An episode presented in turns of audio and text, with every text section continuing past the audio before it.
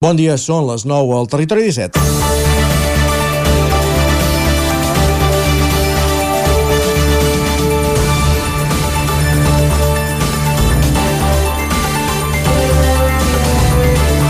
Avui és 28 de febrer i, per tant, falten 3 mesos justos per les eleccions municipals del dia 28 de maig. L'ambient s'està escalfa, escalfant per moments, sobretot al Ripollès. Divendres, el 9-9 feia públiques les intencions del quart tinent d'alcalde de l'Ajuntament de Ripoll i president del Consell Comarcal, Joaquim Colomer, d'impulsar una nova agrupació independent en presència a Ripoll, altres pobles de la comarca i d'altres comarques gironines. Colomer, que va concórrer als últims comicis amb la llista de Junts, s'ha anat distanciant d'aquesta formació i més d'ençà que es va escollir Manoli Vega com a substitut al capdavant de la llista de l'actual alcalde Jordi Monell, que tancarà una etapa política el proper mes de maig. Diuen que aquest anunci no va ser el detonant, que la decisió ja estava presa, però de sobte, el mateix divendres va haver-hi una doble convocatòria de premsa després que s'anunciés que Junts apartava Colomer de les seves funcions al govern passant a ser regidor no escrit i se li demana també que deixi la presidència del Consell Comarcal. Rere el malestar, alguns comptes falsos a Twitter crítics amb l'acció de govern i amb el mateix alcalde que des de Junts atribueixen a Joaquim Colomer crispetes que comencen 3 mesos d'emocions. És dimarts, 28 de febrer. Deixem enrere el segon mes de l'any 2023 i comença el Territori 17 a la sintonia del 9 FM, la veu de Sant Joan, Ràdio Cardedeu, Ona Codinenca, Ràdio Vic i ja ho sabeu que ens podeu veure també a través de Twitch i YouTube, el 9 TV i la xarxa més. Territori 17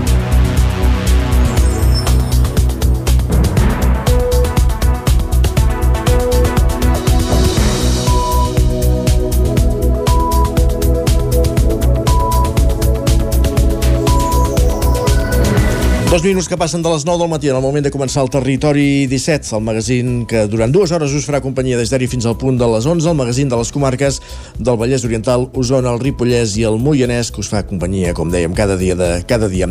Amb quins continguts? Us els avancem tot seguit ràpidament abans d'entrar en matèria. Primer de tot, en aquesta primera mitja hora, aprofundirem en les notícies més destacades de les nostres comarques, en connexió amb les diferents emissores del Territori 17. També farem un cop d'ull a la previsió del temps per a les properes hores hores amb, en companyia d'en Pep Acosta des d'Ona Codinenca i anirem al quiosc amb la Clàudia Dinarès per recollir quines són les portades dels diaris del dia. A partir de dos quarts de deu pujarem al tren a la R3 amb l'Isaac Muntades recollint les cròniques dels oferts usuaris de la línia dels oferts usuaris del nostre tren de cada dia i a l'entrevista conversarem amb Joan Riera, l'alcalde de Vilanova de Sau, després que l'Agència Catalana de l'Aigua hagi anunciat que que augmenta la potència de, el volum de desembassament del pantà de Sau cap a Susqueda, és a dir, buidar el pantà de Sau per garantir la qualitat de l'aigua del pantà de Susqueda, la qualitat de l'aigua que es capta cap a l'àrea metropolitana i les comarques gironines. De tot plegat, de, de, també del nou pla d'usos del pantà de Sau, en parlarem amb l'alcalde de Vilanova, Joan Riera, a partir de dos quarts de deu. Després, repassarem alguna novetat musical abans d'arribar al punt de les 10 o a les 10 més notícies, la previsió del temps i a la secció d'Economia en Joan Carles Arredondo el cap d'Economia del 9-9 del Vallès Oriental, ens intenta, intentarà explicar per què, amb rècords de gent treballant, el PIB no ha recuperat els nivells de 2019. Estem parlant de les dades de 2022. Això serà la secció d'Economia a partir d'un quart d'onze. A dos quarts d'onze Twitter amb en Guillem Sánchez i després el Territori Dona. Avui amb la Maria López i la Clàudia Dinerès i abordant el cas de les dues bessones que van saltar d'un balcó, una amb el, amb el fatal desenllaç de mort la setmana passada a Sallent. Són els continguts del Territori 17 d'aquest dimarts 28 de febrer de 2023 que tot seguit posem en dansa. Els Mossos d'Esquadra busquen un lladre que va robar un cotxe a Ripoll i el va estavellar a Olot. Isaac Muntades, la veu de Sant Joan. Els Mossos d'Esquadra continuen buscant l'autor d'una sèrie de robatoris que es van produir el passat dijous al vespre als barris de Caselles i Vistalegre de Ripoll. El lladre va robar un vehicle d'una casa particular i el va estavellar a Olot després d'una persecució de la policia catalana. Després d'haver xocat, l'autor del robatori va abandonar el cotxe i no se'l va poder detenir. Els fets van passar en una casa de Caselles cap a les 11 de la nit. La família víctima del robatori estava posant el seu fill a dormir quan van sentir sorolls a dins del domicili. Llavors es van adonar que hi havia una porta corredissa oberta i també ho estava la del garatge. El lladre va robar l'Honda Civic després d'haver agafat les claus del cotxe que estaven al rebedor. L'autor dels fets va marxar conduint en direcció a Vallfogona. La família va trucar de seguida als Mossos i una patrulla de la policia catalana es va creuar amb el vehicle robat baixant per la carretera de Vallfogona i van iniciar la persecució que no es va resoldre fins que un control policial que s'havia establert a Olot va provocar que el lladre estavellés el cotxe i s'escapés. L'Honda Civic, que tenia 8 anys d'antiguitat, va quedar en un estat de sinistre total. La família que va ser víctima del robatori creu que hi havia més d'un lladre perquè al seient del copilot hi tenien alguns objectes que van llançar a terra abans d'endur-se'l. Al costat del fre de mà, en canvi, tenia la cartera amb 30 euros que no es van endur segurament per la urgència d'abandonar el vehicle després de l'accident. En canvi, els Mossos creuen que els robatoris van ser comesos per una sola persona, la qual ja va robar un cotxe a Riu d'Aura aquesta mateixa setmana. Aquest robatori va ser l'últim d'una sèrie d'entrades a domicilis que es van fer als dos barris ripollesos aquell mateix dijous. Com a mínim haurien entrat a quatre domicilis. En un d'ells va haver-hi una baralla entre el lladre i el propietari, que va acabar amb una contusió a l'ull. En una altra casa, el sistema de seguretat de l'habitatge va poder enregistrar l'intrus. Aquesta zona sol ser un caramel pels lladres. Vistalegre i Casella són dos barris perifèrics i benestants de Ripoll, on, sobretot, hi ha habitatges unifamiliars. A més a més, hi ha l'escapatòria del bosc per si el lladre ha de fugir i on és més fàcil ocultar-se. Gràcies, Isaac. Més qüestions. El Congrés dels Diputats aprova una proposició no de llei per afegir el nom del municipi de les Masies de Roda a de la denominació oficial del Parador de Turisme de Sau, que el poble acull des de fa més de 50 anys. Després d'una iniciativa que va impulsar el grup municipal de Junts, l'espai passa a denominar-se Parador de Turisme Vic Sau Masies de Roda. Clàudia Dinarès. Fa 50 anys que el municipi de les Masies de Roda acull el Parador de Turisme Vic Sau, la població on està ubicat, però en aquestes 5 dècades ha quedat amagada en la denominació del paratge. Amb l'objectiu de acabar amb aquesta invisibilitat, el grup municipal de Junts a les Masies va començar a moure fa dos anys una iniciativa per modificar el nom oficial de l'equipament.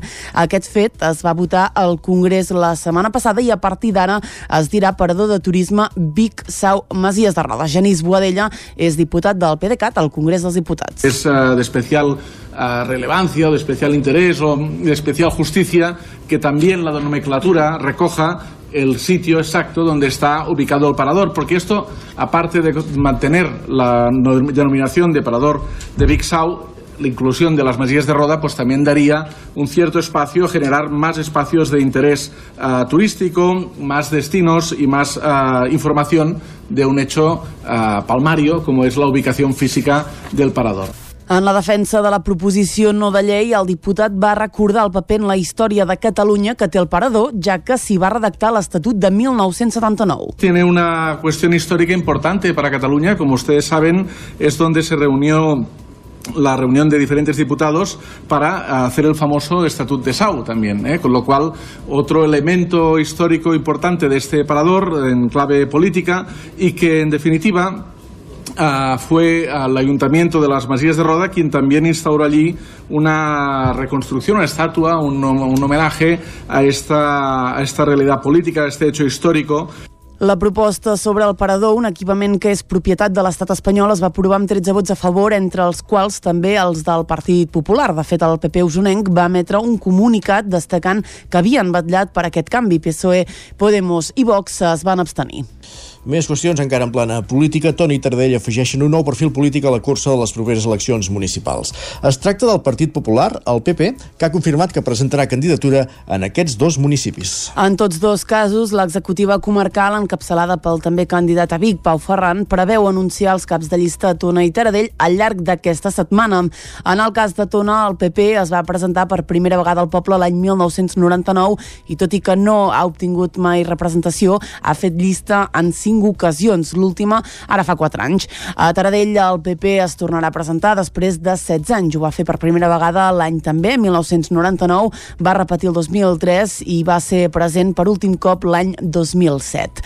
Aleshores no va aconseguir representació. Caldrà veure si la candidatura dels populars té incidència en el cara a cara entre Esquerra i Junts, que preveu a Taradell per les eleccions del 28 de maig. Més qüestions. Manlleu necessita 226.000 euros per poder reformar l'antiga fonda de Can Xeran i convertir-la en un sostre per persones en situació d'emergència social. L'oposició, però, retreu a l'equip de govern d'Àlex Garrido que faci dos anys, des de l'esclat de la pandèmia, que el consistori paga un lloguer per un edifici que encara no ha obert les portes. Que l'antiga fonda de Can Xeran de Manlleu s'acabaria convertint en un sostre per persones en situació d'emergència social no és cap sorpresa. Així ho va anunciar ara fa dos anys el govern d'Àlex Garrido, que amb l'esclat de la pandèmia pandèmia va llogar l'edifici perquè persones amb Covid-19 sense opcions de complir l'aïllament correcte s'hi poguessin instal·lar. Un lloguer d'un immoble que continua inoperatiu i que per l'Ajuntament suposa una despesa anual de 22.000 euros. Un import que se suma al que ja fa front al consistori per allotjar veïns i veïnes de la ciutat en situació d'emergència social en allotjaments temporals de Manlleu o a l'alberg de Vic, una gestió que el PSC criticava al ple d'aquest dimarts. Marta Moreta és la portaveu dels socialistes a l'Ajuntament de Manlleu. Manlleu. La pregunta és molt clara. Uh, voldria saber com, com s'assumirà aquest cost sense tenir una partida pressupostària per aquest, aquest pressupost que vam aprovar. Aquesta seria la primera pregunta. Entenc que suposo que hi haurà s'haurà d'ampliar amb un crèdit o alguna cosa, no sé, que ens ho expliquin perquè voldríem saber-ho. Voldríem saber també el cost de la redacció del projecte, perquè tenim el cost que costarà la rehabilitació, però no el cost que, que, del projecte, que ha costat el projecte, i quin cost tindrà el personal i els subministraments eh, anuals d'aquest equipament. Per reformar l'antiga fonda calen 266.000 euros. Una subvenció dels fons europeus Next Generation n'hi aportarà 110.000, un contracte a programa de la Generalitat 55.000 més. La resta, però, encara no està clar com s'assumirà. D'entrada, l'equip de govern intentarà renegociar el contracte de lloguer firmat per 10 anys i es planteja sectoritzar el projecte. Pere Comte és el regidor de promoció social de l'Ajuntament de Manlleu. Sí, estem renegociant el contracte de lloguer amb en Riel, hem quedat parlat eh, justament aquest divendres i no és perquè ho hagis dit al ple. Puc ensenyar a la gent que divendres a les 11 per parlar de tots aquests temes inclús renegociar el tema del preu.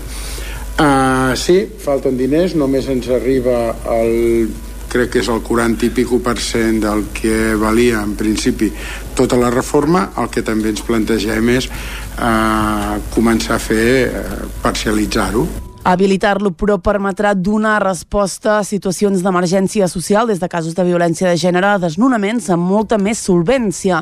Enric Vilaragut és el regidor de Serveis Territorials de l'Ajuntament de Manlleu. Hi han 8 habitacions per pis, que són 16. És un nivell d'ocupació ens permetria, si estigués ple, home, donar donar ús o donar servei a bastantes persones i resoldre bastants casos que, que serveis socials té habitualment té i que és cert que, evidentment, són partides que, que ha de pagar eh, amb altres espais, com recordo sempre les factures que em deia en Pere de l'Hostal Torres, que evidentment ja no les tindríem. Un cop es pugui rehabilitar l'edifici, la idea és traslladar a la planta baixa l'equip d'intervenció comunitària de l'Ajuntament de Manlleu, ubicat actualment al mateix carrer Enric de l'Aris. Gràcies, Clàudia. Més qüestions. La colla castellera de Caldes de Montbui no té prous grellers per iniciar la temporada i és per això que fan una crida a la ciutadania. Roger Rams, zona Codinenca. Sí, ara que estem a les portes de l'inici de la temporada castellera, les colles d'arreu del país ja ultimen els detalls per tal de començar a girar pel territori. Doncs bé, la colla dels escaldats, els castellers de Caldes de Montbui, busquen alguns reforços per enfrontar els mesos d'actuacions que tenen per davant. Des de l'entitat han creat un grup de músics per tal que tothom qui vulgui pugui aprendre a tocar la gralla i el tabal, dos instruments imprescindibles en tota actuació castellera. Ara, però, s'han trobat que tenen una greu falta de grallers i per això han decidit fer una crida per captar nous membres membres. Didac Mayol és el president de la colla dels escaldats. En aquests moments ens trobem amb que hi ha, una, hi ha un gran volum de gent que vol aprendre a tocar el tabal, però hi ha poca gent interessada en aprendre a tocar la gralla. Vale? Llavors, clar, nosaltres pel que fa a la cercavila, les actuacions i així, necessitem sempre anar acompanyats de, de grallers i estem buscant doncs, gent que, que li interessi formar part d'aquesta escola de músics que eh, va implícit doncs, també ser dels castellers de Caldes. Arran d'aquesta crida, totes les persones interessades, sàpiguen o no tocar la gralla, poden apropar-se al local dels castellers els divendres al vespre. En aquestes classes doncs, eh, s'ensenya a tocar el tabal i s'ensenya a tocar la gralla a gent de qualsevol edat i de qualsevol nivell, vull dir, ja des d'un nivell inicial que mai ho hagin fet fins a gent que, que en sàpiga una mica i vulgui pues, perfeccionar una mica. Vale? Diguéssim que aquestes classes estan enfocades a, a formar músics per la colla la temporada castellera d'aquest 2023 donarà el seu tret de sortida d'aquí pocs dies, el proper 8 de març, en motiu del Dia de la Dona, i comptarà, en el cas dels escaldats, amb més d'una vintena d'actuacions, entre elles una a Andorra, a Palafrugell, a Guisona i a diversos pobles veïns de Caldes com Castellà del Vallès o Mollet. La temporada acabarà el dia 17 de desembre amb una actuació especial per la Marató de TV3. Més qüestions, gràcies Roger. Encara a la pàgina cultural, el biguetà Artur Tort ha guanyat el premi més prestigiós de la cinematografia francesa el Cèsar. Ho ha fet com a director de fotografia de Pacifiction, la pel·lícula dirigida per Albert Serra. El Teatre Olímpia de París va acollir la gran gala dels premis que concedeix l'Acadèmia de les Arts i Tècniques del Cinema de França. El film va recollir un altre premi, el de millor actor per Benoit Magimel. El Cèsar a la millor fotografia va ser dels primers que es van lliurar durant la gala i Tor va voler destacar en el seu agraïment la feina col·lectiva que hi ha al darrere del guardó. A banda de fer menció especial, Albert Serra, el biguetà, també va voler esmentar el paper més tècnic dels càmeres Miquel Barceló i Julien Hogarth i del colorista Gabriel Bandelac. Durant les últimes setmanes, Tort ja havia agafat pràctica en la rebuda de premis. Primer va ser el Lumière, també a França, i després el Gaudí a Catalunya. Destaca en el món del cinema, tot i que ja fa anys que té un peu a la música música. És el teclista habitual de Joan Pons, líder del Petit de Calaril. Gràcies i un últim apunt encara també cultural. Damaris Gelabert celebra els escenaris als 25 anys de carrera. Pol Grau, Ràdio Televisió Cardedeu. De Marí Gelabert celebra 25 anys de carrera amb una darrera gira, que arrencarà l'11 de març al Teatre Fortuny de Reus. Per arrodonir la commemoració, l'acompanyaran The Grow Up Singing Band i un grup de joves ballarins i ballarines, fent d'aquest concert familiar un esdeveniment únic. La cantant de Cardedeu anuncia que un cop acaba de la gira farà una aturada dels concerts en directe, però es mantindrà activa la composició de cançons i la producció musical. També aprofitarà per promocionar el seu projecte Créixer Cantant a l'Espai Tot Sona de Cardedeu. En aquesta gira, la de Maris farà un repàs per la seva llarga trajectòria i espera retrobar-se amb els fans que han crescut amb les seves cançons cançons i amb els que recentment han començat a escoltar-les i cantar-les. The Grow Up Singing Band és un grup de joves músics professionals decidits a produir música actual de qualitat per al públic familiar en anglès i en castellà. En aquesta gira, la banda interpretarà algunes de les seves cançons en anglès. El grup de ball està integrat pel Maxi i el Marc, dos ballarins que han demostrat el seu talent al espectacle Billy Elliot com a protagonistes, i la Yaiza, que amb 6 anys ja guanyava el primer concurs Dance World Cup Spain 2019. Com a ballarins adults, la Clara Martínez, coreògrafa de l'espectacle, i el ballarí francès Gaëtan Fernier, tots dos especialistes de claquer. Gràcies, Pol. Acabem aquí aquest repàs informatiu que començava amb el punt de les 9 en companyia de Pol Grau, Clàudia Dinarès, Roger Rams i Isaac Muntades. Moment de saludar en Pep Acosta. Per tant, és moment de conèixer la previsió del temps. Casa Terradellos us ofereix el temps. Tornem a una codinenca. Pep Acosta, benvingut. Bon dia. Hola, molt bon dia. Què tal esteu? Com va tot? Últim dia ja d'aquest uh, mes de febrer. Uh, S'acaba el mes més curt de l'any, a punt de començar el març, a punt d'entrar ja a la primavera. Uh, jo sempre dic que, que, que, que la primavera comença el 21 de, de març, que és el 22, més o menys començarà, però per mi la, la primavera eh, són març, abril i maig. Eh, estem ja, per tant, a punt a punt de primavera, però l'ambient encara és força d'hivern. Tot i això, avui han pujat les temperatures mínimes, no fa tant de fred, eh, a més, fa vent, um, uh, hi ha temperatures estranyes perquè um, el vent i la nubositat ha fet pujar la temperatura en algun lloc um, encara hi ha poblacions amb força fred uh, hi ha força, força disbauxa de temperatures mínimes avui uh, dimarts a la nit encara han tingut forces núvols fins i tot quatre gotes cap al prelitoral, uh, però bueno, molt, molt, molt poca cosa uh, la pertorbació on es mostra més activa és cap als Balears, allà sí que està plovent i nevant moltíssim, i aquí ens arriben uh, les restes, eh, les, les, les, les escorrellalles. De moment no, no, no ens afecta cap pertorbació eh, gran com la que ja tenim a, a les Balears, que hauria de ser un, un bàlsam per la sequera que tenim i no, no ens afecta i no es veu per enlloc de moment. Mm, avui serà un dia eh, amb molts núvols aquest matí, aquest matí que tindrem molts núvols, Um, potser encara quatre gotes cap al peritoral, també cap a Osona, és que si plou serà això, eh? Quatre gotes, eh? Molt, molt, molt poca cosa. No... Els mapes no indiquen cap precipitació important ni de bon tros. Uh, el vent, el vent serà destacable. Vent de nord, als cims de les muntanyes, també cap al Pirineu, vent destacable, que augmentarà una mica la sensació de fred um, però no, no serà mm, un vent, un vent general a totes les poblacions, totes les comarques, sinó només afectarà sobretot cap al Pirineu i els cims més alts de la peritoral i de transversal. I de cara a la tarda, aquesta situació ja serà diferent, farà molt més sol i els núvols escamparan i eh, no tindrem cap possibilitat ja de pluja de cara a la tarda. Les temperatures màximes pujaran una mica, no seran tan baixes com les d'ahir, no, no, no farà un dia tan, tan fred com el que vam tenir ahir.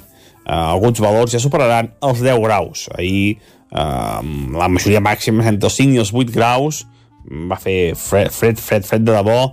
Avui algun valor s'aproxima als 10 graus o superarà lleugerament. I això és tot. A disfrutar l'últim dia del mes de febrer, uh, un dia que al matí encara serà força cobert, amb alguna petita pluja, de cara a la tarda ja més sol i unes temperatures una mica més altes. Fins demà, adeu. Gràcies, Pep, ho tindrem en compte. Parlem d'aquí una estona. Fins ara mateix. Casa Tarradellas us ha ofert aquest espai. Territori 17. Envia'ns les teves notes de veu per WhatsApp al 646 079 023. 646 079 023. WhatsApp Territori 17.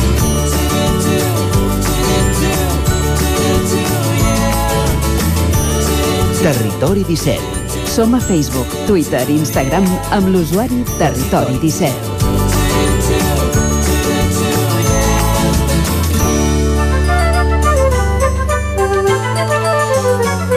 Temps de, de parlar de diaris, de repassar les portades dels diaris del dia aquí al Territori 17. Clàudia, hem anat al quiosc i quines són les portades del dia? Per on comencem? Bon dia de nou, comencem com sempre amb el punt avui, que avui en portada diu en català des del segle IV. Us explico una mica més. Un estudi de la Universitat Autònoma de Barcelona en situa l'origen 400 anys abans del que es creia. Diu el llibre dels jutges escrit primer que les homilies d'Organyà. És un dels titulars del punt avui d'aquest dimarts, que també es fa ressò de el, Mobile, el Mobile World Congress diu enganxats al Mobile. La fira tecnològica arrenca a Barcelona amb l'energia recuperada dels millors anys i la realitat expandida com a principal protagonista. A la portada també veiem a Laura Borràs que diu defensa la legalitat dels contractes. Anem al diari Ara, que també obre amb el cas Borràs. Diu Borràs atribueix la responsabilitat dels contractes als funcionaris. Afirma que l'exadministradora va autoritzar els expedients i minimitza els seus advertiments. A la imatge, però aquí veiem és Alexia Putelles, que diu es torna a coronar. La migcampista i capitana del Barça va ser designada ahir per segon any consecutiu millor jugadora del món de la FIFA. El millor jugador eh, va ser Messi.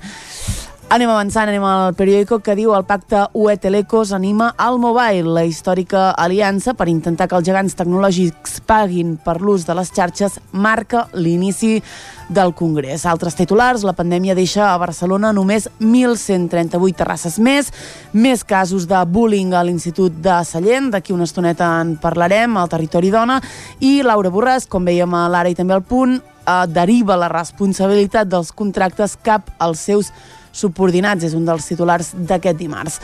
Acabem les portades catalanes amb l'avantguàrdia que diu un jutge investiga per primera vegada l'operació Catalunya. Fins ara només s'havien indagat negocis privats de Villarejo, però un jutjat de Madrid assumeix una querella de Sandro Rossell, un tema que segurament veurem a partir d'ara a les portades catalanes, també a les espanyoles. Seguim a la Vanguardia que diu Aliança històrica de Telecos per oferir aplicacions que competeixin amb Apple i també amb Google. I una última notícia, Londres i la Unió Europea firmen el desglàs amb un pacte sobre Irlanda del Nord. Doncs són alguns dels titulars que podem trobar avui als diaris al quiosc. Aquests són els que s'editen a Barcelona. Anem per les portades espanyoles, les que s'editen a Madrid. Exacte, anem a Madrid i comencem al país. Seguim en la mateixa línia. Londres i Brussel·les tanquen el conflicte sobre Irlanda del Nord. A la imatge de la portada xoca el mobile, diu, entre les telecomunicacions i els gegants d'internet, amb una imatge, per cert, on hi podem veure el rei Felip VI, també a Pedro Sánchez, a Pere Aragonès i a Ada Colau, una foto de les autoritats. A un altre titular i anem al Mundo. Els missatges d'interior revelen les maniobres contra Podemos i també els independentistes. Al Mundo, cinc diputats del PSOE, diu, van ser en un altre sopar a Ramsès amb la trama. És aquest escàndol, aquest cas eh, que, que, que ha sacsejat el Partit Socialista. Tito Berni diu els va invitar al restaurant discoteca i els va fer coincidir amb empresaris. També serà un tema que anirem veient a partir d'ara a les portades espanyoles. Més titulars. També més va proposar a Mas la nació catalana després de l'1 d'octubre. És un altre titular de, del dia. I ara és el qui presentarà la moció de censura contra Pedro Sánchez Exacte. en nom de Vox. Correcte. Veurem com acaba també. Anem a la Razón que diu dubtes a Vox per la moció. Diu ens juguem al crèdit. A la imatge veiem a Felip VI entre el tren bala i els avatars 3D al Mobile World Congress. Concretament eh, veiem el rei amb unes ulleres virtuals. Eh, fa el seu goig. Sí, um... ens ho podem imaginar. Més titulars, Lewandowski es lesiona i no serà el clàssic d'aquest dijous i el Regne Unit i la Unió Europea obren una nova era post-Brexit. Acabem amb l'ABC que diu Sánchez ordena investigar si va haver més diputats en aquestes festes de Tito Berni, és aquest escàndol del PSC que, del PSC que començàvem, comentàvem fa un moment. Diu la direcció del partit n'ha identificat a diversos i el president amenaça amb expulsar-los. Gràcies, Clàudia. Acabem aquí aquest repàs a les portades, aquest repàs al quiosc. Fins ara. Una estona. Fins ara. Avancem al territori 17. Tot seguit el que farem serà una petita pausa i després pujarem al tren a l'R3, com cada dia l'Isaac Montades, recollint les cròniques dels oferts usuaris de la línia Barcelona-Vic-Ripoll-Puigcerdà. I també conversarem amb l'alcalde de Vilanova de Sau, en Joan Riera, ara que s'ha anunciat que creix el volum de desembassament d'aigua de Sau cap a Susqueda, amb l'intenció de buidar el pantà de Sau per millorar la qualitat de l'aigua, la captació de Susqueda cap a l'àrea metropolitana i les comarques gironines. De tot això en parlarem, com dèiem, a partir de dos quarts, aquí al territori 17 amb l'alcalde de Vilanova de Sau, Joan Riera.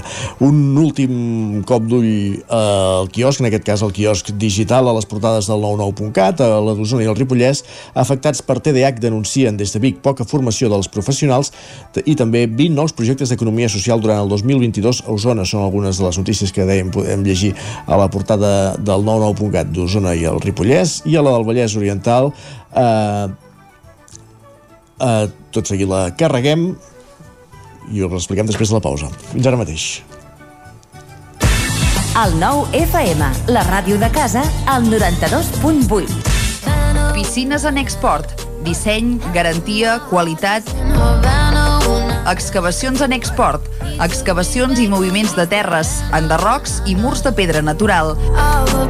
Piscines i excavacions en export. Som a l'Atmella del Vallès.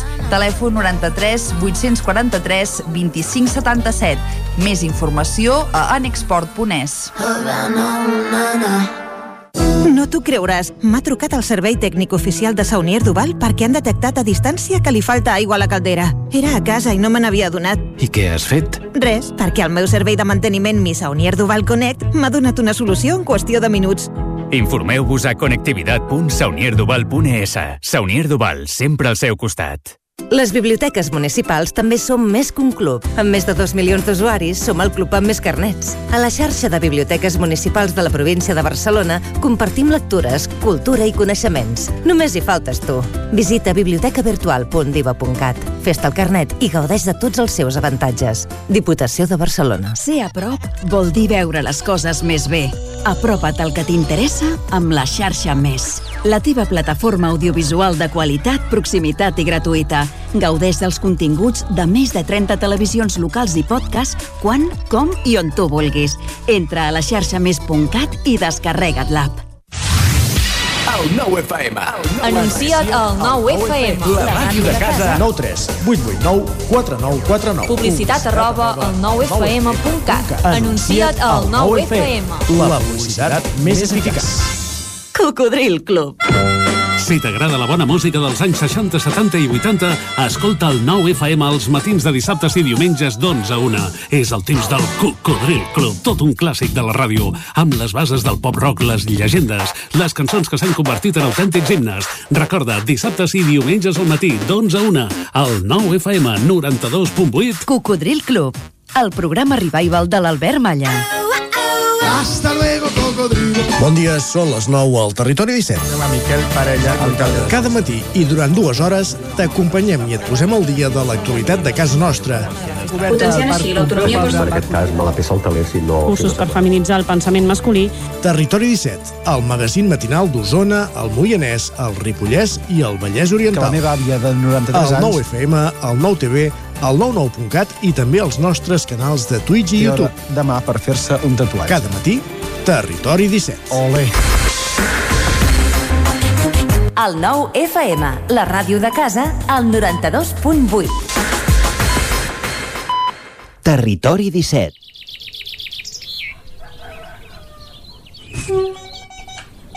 A Tren d'Alba. Cada dia els usuaris i usuàries de la línia R3 de Rodalies que veuen sortir el sol des d'un vagó ens expliquen les gràcies i les penes del primer comboi que uneix Ripoll i Barcelona o les feixugues jornades amb el tren després de treballar. Benvinguts a Tren d'Alba. Ahir la directora de Rodalies de Catalunya, Maite Castillo, i l'alcalde de Centella, Josep Paré, van fer una reunió de treball per estudiar millores a l'estació de tren del municipi i ho van fer in situ. Alguns comentaris de la piulada parlaven irònicament de la situació. Hi havia un usuari que deia que ella hi havia anat en un tren llarg i reservat, mentre que els usuaris de l'R4 anaven cada dia en un tren curt i enllaunats com sardines. N'hi havia un altre que ja era més radical i li demanava o dimissió o presó. Però el més bo de tots és el que demanava si havia arribat puntual o no a la reunió. No sabem si va anar-hi en tren. A veure si algú ens ho confirma. Us deixo amb la crònica d'avui d'en Jordi Valls. Bon dia, sóc en Jordi de Centelles. Avui el tren ha arribat 11 minuts tard. Hem entrat a Barcelona fent caravana, anàvem fent cua. Hi havia un tren davant i anàvem poquet a poquet, poquet a poquet. I ha anat bé, perquè teníem molta son. Perquè ahir dilluns vam tenir la genial idea de celebrar un aniversari sorpresa. En David en feia 50 i no podíem esperar l'oportunitat de celebrar. S'ha de celebrar tot. I on ho vam fer? A l'estació de Centelles, a la cantina. Sí, sí, a les fotos surten totes les màquines de Rodalies. Eh, Un espai una mica curiós per celebrar un aniversari, però era part del joc. Si ens coneixem al tren, si vivim gairebé al tren, doncs celebrar-ho. I clar, aquest matí fa molta, molta, molta son. Però bueno, hem baixat xerrant de tot i una miqueta més. Va ser divertit. No sé, ja sé, eh? qui no agafeu el tren no ho entendreu. No ho intenteu. Agafeu el tren, patireu, però us ho passareu bé. Vinga, vaig a veure si em faig un cafetonet que ja no puc més, no puc viure. Cuideu-vos molt i bona setmana. Adéu-siau. Com us ho passeu de bé, eh? Queda clar que una xifra tan rodona com els 50 anys s'han de celebrar sí o sí. Això de convertir les estacions en espais improvisats de celebracions ja és habitual amb la gent del tren. Fa unes setmanes es va celebrar el desè aniversari del col·lectiu perquè no ens fotin el tren i ara amb aquest aniversari. A veure, millor fer celebracions que protestes, eh? Això és evident. Va, ens retrobem demà amb més històries del tren i de l'R3. Territori 17, el 9 FM, la veu de Sant Joan, Ona Codinenca, Ràdio Cardedeu, Territori 17. Dos minuts i mig que passen de dos quarts a deu del matí.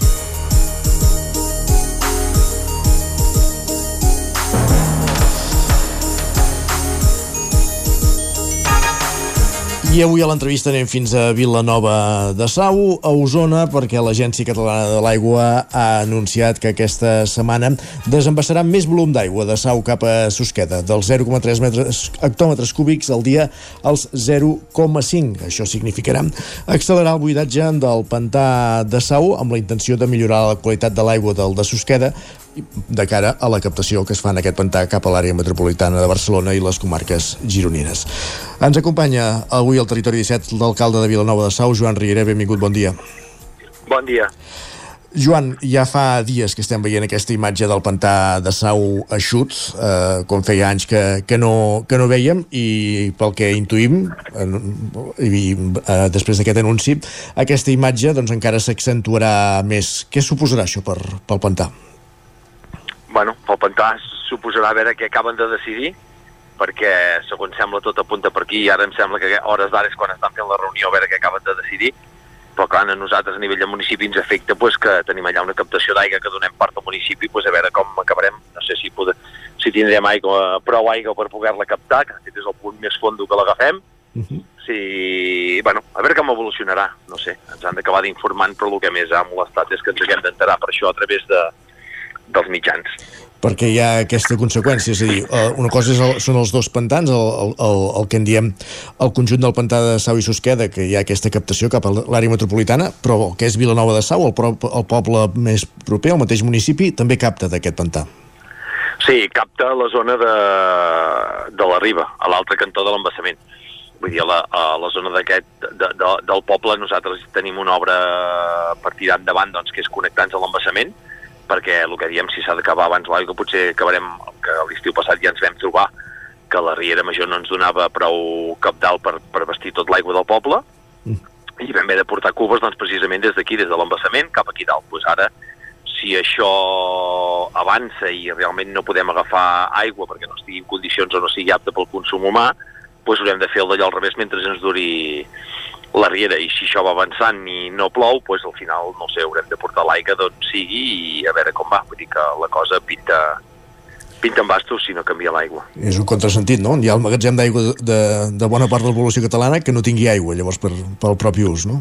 Ah, entesos, una mica és, és això, i a part d'això és el que diem, hem arribat a aquestes situacions dius, en sèrio que no podíem haver parat els recs abans a, a, a les grans àrees i a les grans ciutats que s'engasta, malgasta molta d'aigua i ens hem d'esperar ara, decidir-ho ara, quan ja està tot, eh, que les existències eh, queden mínimes, i després les gestions que s'han fet a nivell de l'hidroelèctrica també, vull dir que, bueno, penso que hi ha un pilot de coses que es podien fer diferent, però bueno, els que manen prenen aquestes decisions i ara potser en patim les conseqüències. Ara que citaves el tema de la hidroelèctrica, d'energia de, actualment ja no se'n genera a, a la presa de Sau, no hi ha prou capacitat, entrem. No, no, no se'n genera, a més més estan en temes de reparacions i tot, però eh, se n'ha generat. Vull dir que eh, jo és el que he dit, eh, quan es va venir a rodar el programa del Foraster aquí a Vilanova de Sau, era l'última setmana de juny, i si recordeu la imatge i mireu la maroteca, el foraster arribava al campanar amb bicicleta eh, d'aquestes a a, a, pedalant al, sobre l'aigua. Tocava el campanar. Mirem el dia que estem avui i on està el nivell de l'aigua. A partir d'aquí no cal dir res més. Uh -huh. Uh, més enllà de, del que és uh, la, la captació d'aigua, l'aigua la, potable, el fet que es vull dir el, el pantà de Sau, d'una banda, permet uh, veure emergir uh, el que hi havia sota el pantà, que feia anys que no, que no es descobria, però no sé si efectes fins i tot de, de neteja o, de, o, o, o per l'entorn, què pot suposar buidar el pantà? Bueno, uh, buidar el pantà jo entenc que deixaran... Hi haurà aigua, vull dir que hi haurà poca o molta aigua, vull dir que a, a, a l'any 90 i poc, no me'n recordo exactament l'any, vam estar un 5,5%, uh -huh. vull dir que encara estava més baix. Uh, què ens impliquen a nosaltres? Que tot això pues, provoca l'efecte tafaner, tota aquesta moguda que hi ha tots els mitjans i tot, uh, de venir a veure-ho tot, com és el que ha passat ara a Susqueda amb el pont de Carós, que es veu el pont de Carós i tothom cap acaba pelegrinant cap allà, doncs el que se t'acaba derivant. De fet, aquest cap de setmana ja ens estem organitzant per tornar a muntar la regulació, doncs perquè hi ha, on és el Club Nàutic, hi ha una plec sardanista que està fet allà, amb tot això hi haurà una moguda i haurem de tornar a posar doncs, regulacions i, i, i ja s'està treballant doncs, per començar des d'aquest cap de setmana i fins a Setmana Santa doncs, perquè això serà una moguda de gent increïble i després eh, tornem a estar amb el mateix, amb la seguretat, amb, amb, la, amb, amb, el, amb el que és un cul de sot, que arribes allà a la punta i has de girar doncs, per veure com ho organitzem i, i que comporti almenys de, de problemes doncs, per la gent que viu al territori i pels visitants que vinguin, que sigui tot el màxim organitzat i que no tinguin cap accident. Quan parlem de limitacions, vol tornar a dir posar uh, la barrera per entendre'ns a, a la presa i cobrar la taxa de 5 euros per, per passar i per cá? Sí, sí, sí, sí, sí, sí, sí. Haurem de fer això perquè és que si no no tenim com gestionar tota aquesta moguda de l'altre cantó, perquè dic que cap de setmana pues, allà hi ha autobusos també, amb aquest aplegui, clar, si tenim autobusos, si tenim d'allò, quan no posem gent allà al mig, això serà un cristo que, que farà por. Uh, aquesta notícia d'incrementar el volum de desembassament de, de Sau cap a Susqueda coincideix amb l'aprovació fa poques setmanes al Consell Comarcal d'Osona d'aquest pla d'usos de, del pantà de Sau. Amb quina finalitat es fa aquest pla d'usos i què contempla grans trets? Bueno, aquest pla d'usos, en definitiva, el que pretén és posar ordre a l'embassament. Vull dir que a nivell d'accessos, de, de, de les embarcacions, com s'ha de fer, com s'ha de gestionar, ja fa molt temps que s'està treballant doncs, a veure quines zones són les que han d'haver-hi doncs, per si hi ha eh, zones de bany, que si hi ha piragües, que si d'allò, què i què, com es gestiona, una mica és l'organització que està. A nivell de territori ja estava feta, però no hi havia res escrit. I llavors et trobes doncs, també que quan venia gent amb una barca, que la gent es pensa que si tu tens un caiac, vens al pantà, no fiques el caiac, ja pots fer, perquè tens aigua i tens un caiac, i això no funciona així. Necessites pues, unes autoritzacions de l'ACA, Llavors hi ha tot aquest tema de les espècies invasores, que si el muscul cebre, allà hi ha un rentador que no s'ha engegat mai perquè ningú l'ha fet perquè és de dependència seva. Doncs és posar ordre en tot això i amb el tema de les vigilàncies. Uh -huh. doncs que hi hagi algú que realment, tema de pescadors, de furtivisme, de totes aquestes històries, doncs que si hi ha algú aquí, doncs eh, eh, pugui ser organitzat. Que tal com hi havia aquí, doncs quan s'han anat fent totes aquestes regulacions i tot, doncs tot el tema que hi havia de, de pescador furtiu doncs s'ha desplaçat, però cap on s'ha anat, cap al cantó de Còdol, que també tenen molts problemes, doncs una mica hem treballat tot el tema de l'embassament i fer això. I seríem el primer embassament doncs, de la comarca d'Osona, ai, de la, comarca, de la província de Barcelona que, que s'acabés fent amb això, perquè hi havia fet el de Darnius com a, com a prova pilot, que de fet l'equip redactor ha estat el mateix d'allà, i és per anar posant ordre a tot això i, i tenir-ho endreçat el, el, es dona el cas, però que estem parlant de, de regular en aspectes, com deies ara, la pesca furtiva, les activitats aquàtiques, i ens trobem en un escenari de, de sequera, de poca aigua, i que hem de veure els propers anys. I això com, com evoluciona? No sé si s'haurà de, de, de portar aquesta regulació, aquest pla d'usos del pantà de Sau, cap a iniciatives més de senderisme o altres activitats a la natura.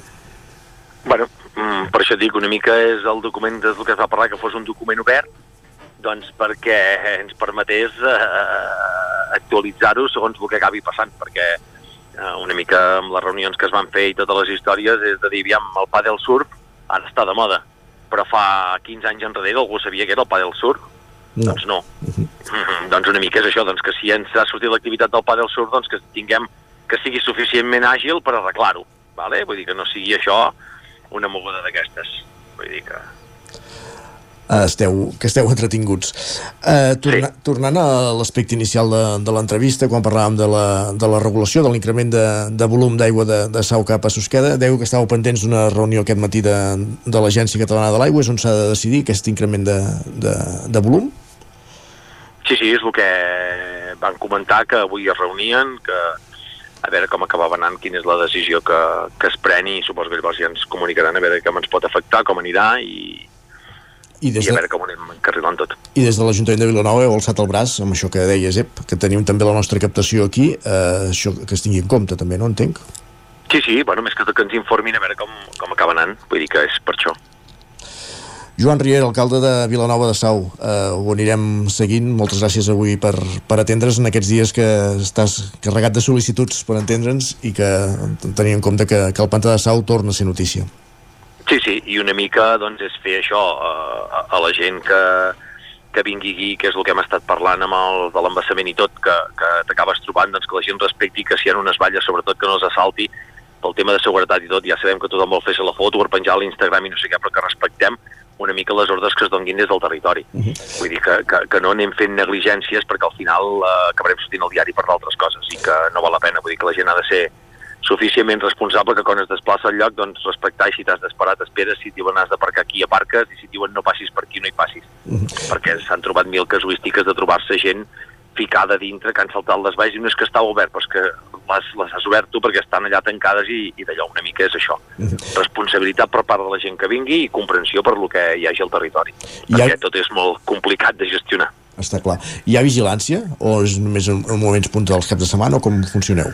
No, els caps de setmana hi ha els vigilants que van fent, però clar, la zona de, de, de lo que és l'ACA, clar, nosaltres no tenim potestat per dins del campanar, ja s'informa i es diu, Però, per exemple, aquest matí estava parlant amb, amb, amb els treballadors de l'embassament i m'ho deien, hòstia, és que et troba gent a dintre i diuen, és que no estava obert, no, no està obert, ha saltat una valla que està tot tancat, m'entens? Vull dir que una mica és això, és per fer-se la foto i totes les històries, està ple de senyals, de prohibit passar, de, de no d'allò, les valles, clar, quan baixa l'embassament, doncs llavors et donen la volta per la punta de baix, però clar, mentre no hi hagi fang, hi ha tot aquell fang que costa de poder anclar les valles allà i que quedi tancat. Per això dic, feu servir una mica el sentit comú i el respecte. I per últim, eh, l'activitat com la del Club Nàutic té, té futur en una situació com l'actual, al Pantà de Saut? Quin, quina és la situació ara del Club Nàutic? Ha d'estar aturat? Uh, bueno, el que és el tema de les activitats a l'aigua, doncs com que no hi ha la cota d'aigua per navegar i els accessos no estan d'allò, doncs no, no pot funcionar com a tal. Però bueno, jo espero que tornarà a ploure algun dia i el tornem a veure ple, espero, perquè és que si no ens pinta la cosa molt... Ja tenim antecedents que, que d'allò i al final ha acabat plovent. El que passa que, clar, aquí des de que va passar el Glòria no hem tingut més, més d'allò, més plogudes per, per, per poder omplir d'aigua. Vull dir que aquest és el problema, però jo espero que eh, el puguem tornar a veure ple. Així ho esperem i ho desitgem. Joan Riera, alcalde de Vilanova de Sau, gràcies per atendre'ns aquest matí. A vosaltres. Moltes bon gràcies. Bon dia.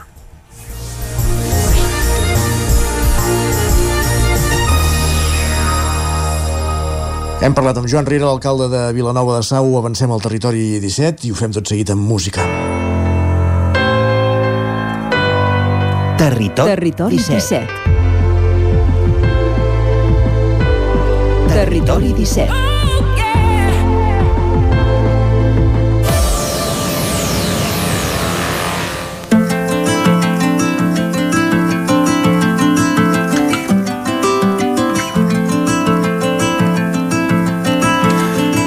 Silenci que t'ajuda.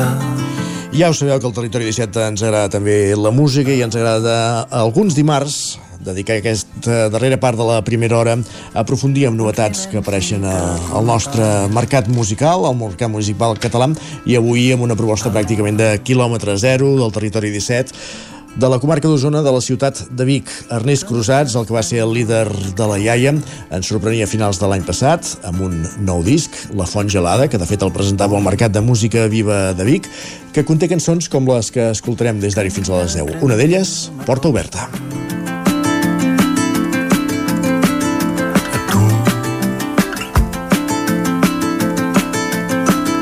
La porta d'entrada està oberta.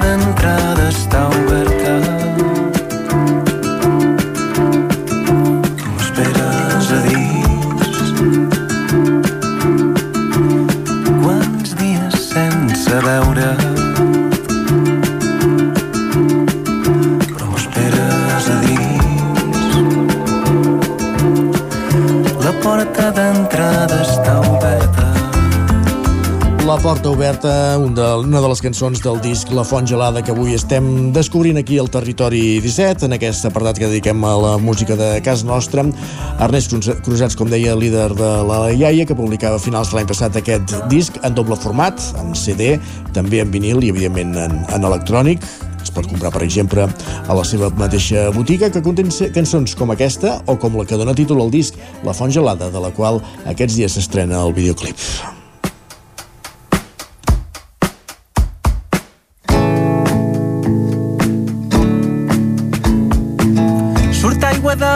Font gelada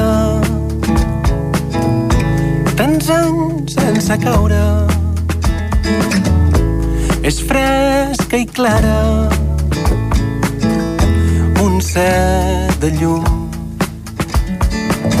Acosta la mà i deixen caure. Omple't la cara, que són llàgrimes blanques de plors de muntanyes. Ella em va obrir el pit, va entrar el vent fred i net, tan pur, tan cert. Va expulsar els meus parrats i després els va estendre al sol.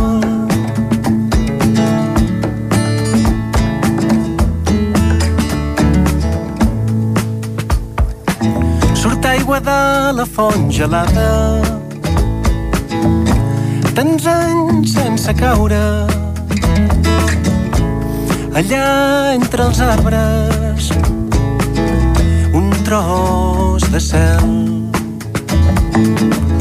Fulles d'arbres sobre el cos després d'una pluja d'estiu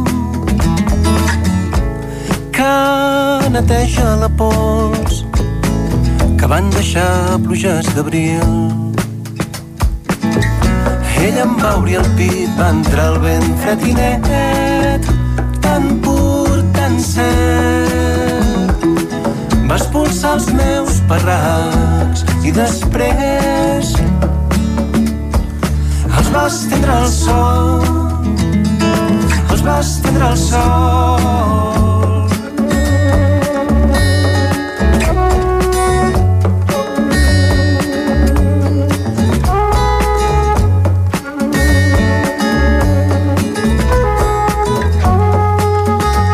Iaia, que va fer una aturada després de la publicació del seu darrer disc Tornar a ser u i el seu cantant Ernest Cruzats que reapareixia en solitari en aquesta proposta més personal i intimista, com dèiem a finals de 2022, La Font Gelada.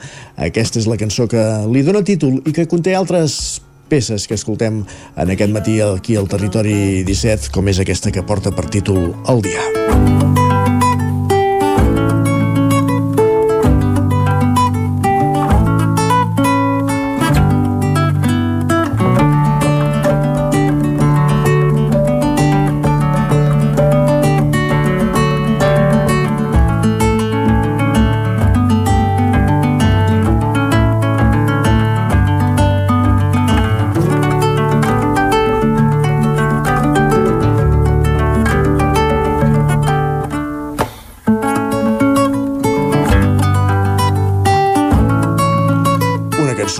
Instrumental de l'Ernest Cruzats amb la guitarra, en aquesta cançó, en aquest disc, La Font Gelada, un disc que obre aquesta altra cançó, La lluna a les mans.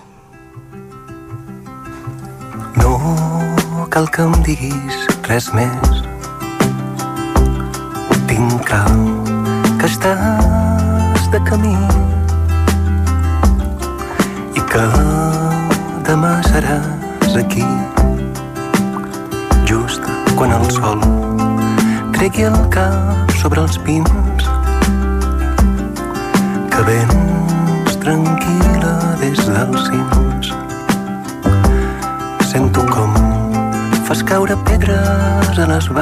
valls. Sé que ara tens la lluna a les mans. Sé que ara tens la lluna a les mans. No cal que em diguis res més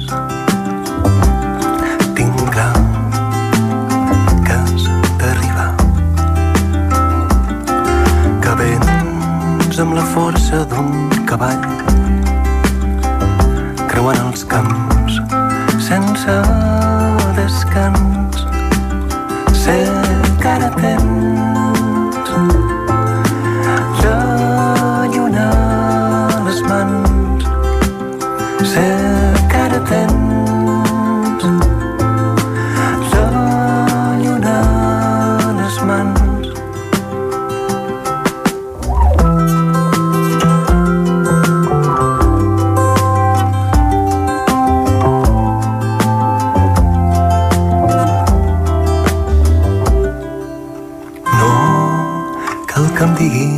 res més.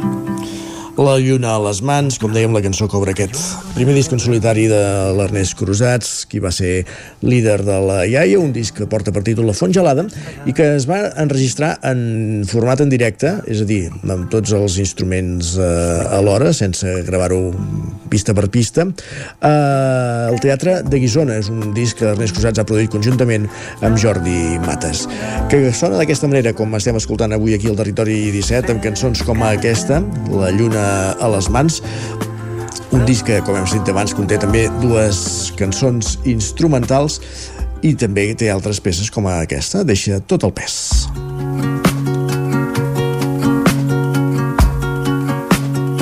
Deixa tot el pes a les meves mans.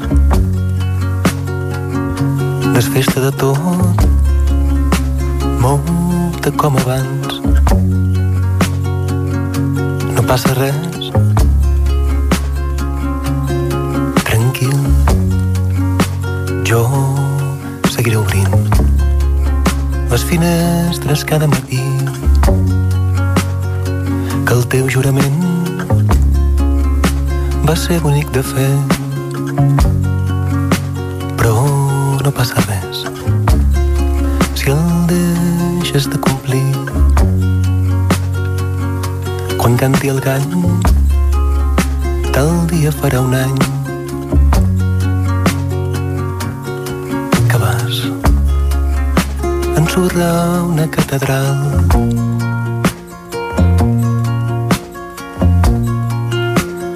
Deixa tot el pes a les meves mans.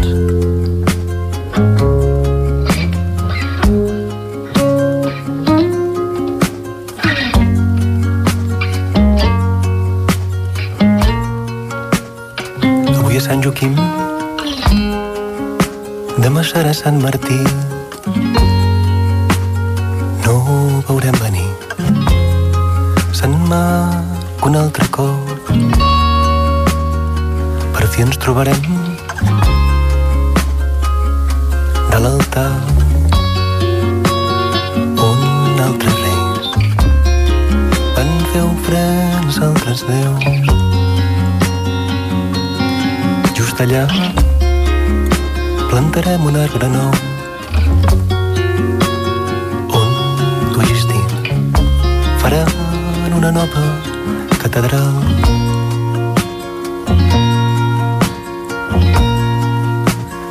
Deixa tot el pes Deixa tot el pes de l'Ernest Cruzats. Avui estem repassant aquest seu primer treball discogràfic, La Font Gelada, aquí al Territori 17, aprofundint en aquest treball a la secció que periòdicament dediquem a la música que s'estrena a casa nostra, la música en català, en aquest cas de quilòmetre zero, del biguetà Ernest Cruzats.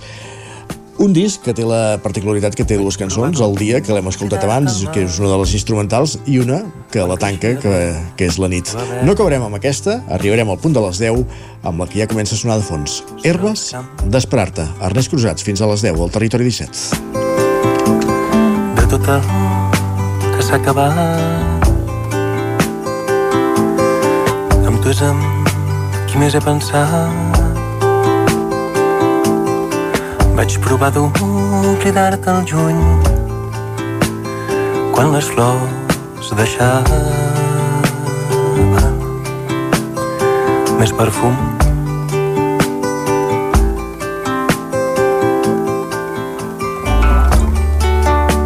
Que em van créixer per dins herbes d'esperar-te de pensar-te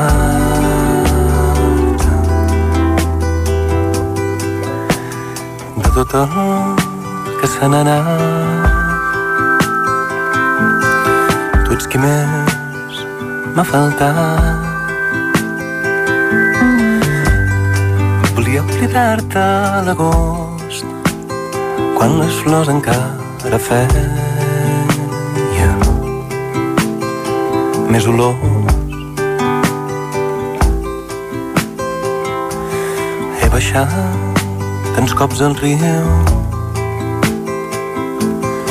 T'he buscat sempre que hi he anat. El riu baixa més ple que altres anys. A mi m'han marxat tants dies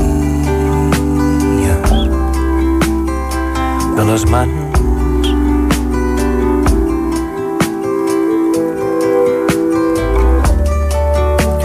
Em van créixer per dins herbes d'esperar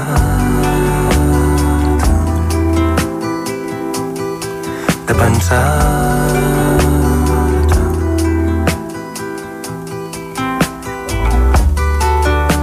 que van sortir els camins flors d'esperar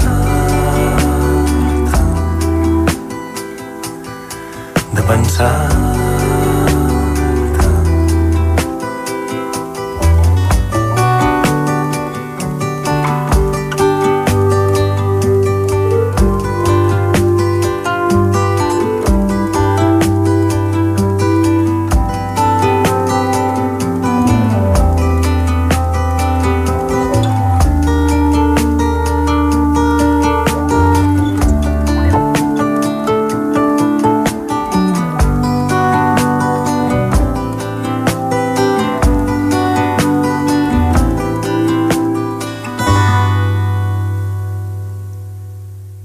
Territori 17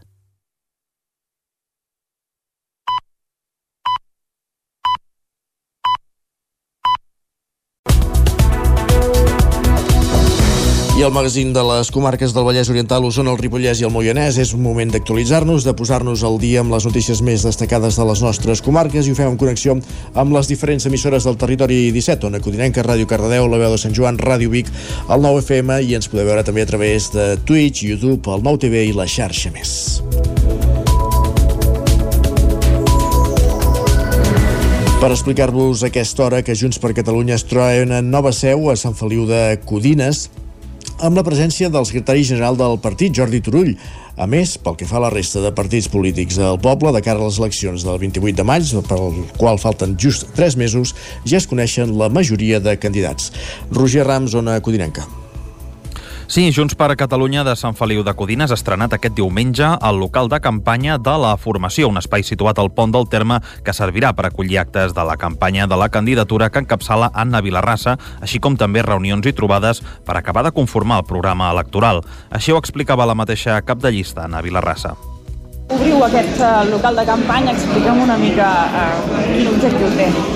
L'objectiu d'obrir el local de campanya és per poder-nos reunir amb la gent, per poder parlar amb diferents sectors, per poder preguntar, per poder saber inquietuds, per poder fer propostes, per tirar endavant la candidatura meva com a alcalde de Sant Feliu. Vilarrassa ha estat acompanyada pel secretari general de Junts per Catalunya, Jordi Turull, qui ha destacat que la candidata és una persona que sap escoltar. També ha dit que la política no és una finalitat, sinó que és una eina per fer feliç a la gent. Uh, una, un partit polític ja és un instrument, ja és una eina al servei de fer política, doncs fixeu-vos que el local d'un partit polític encara és més una eina i un... per fer política. Una eina, no una finalitat. La finalitat no és inaugurar el local, la finalitat no és el partit. La finalitat és fer política, fer política de debò. Jo sempre dic, i aquests dies de campanya ho, ho repeteixo molt, que a vegades parlem molt de la política en general, però, però, però què vol dir la política? Què, què és fer política? Fer política és una cosa tan senzilla, tan simple, però tan profunda alhora, com fer la vida més fàcil i feliç a la gent. Amb el perfil d'Anna Vilarrassa de Junts per Catalunya ja són cinc els caps de llista confirmats hores d'ara per les municipals del proper mes de maig a Sant Feliu. Pere Pladevall, de Junts per Sant Feliu de Codines, Pol Cabotí de Primàries Codines, Mercè Serratacó, actual alcaldessa per Esquerra Republicana i Laia Jordana pel PSC. Gràcies, Roger. Més qüestions. Deixem enrere la pàgina electoral.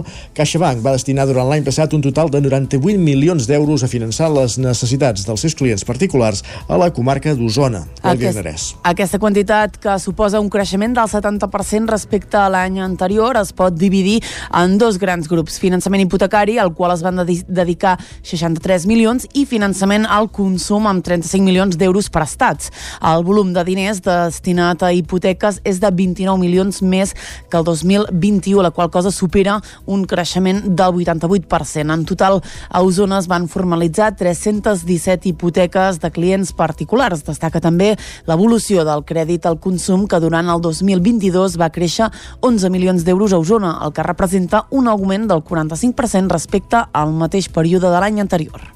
Més qüestions. Manlleu necessita 226.000 euros per poder reformar l'antiga fonda de Can Xeran i convertir-la en un sostre per a persones en situació d'emergència social.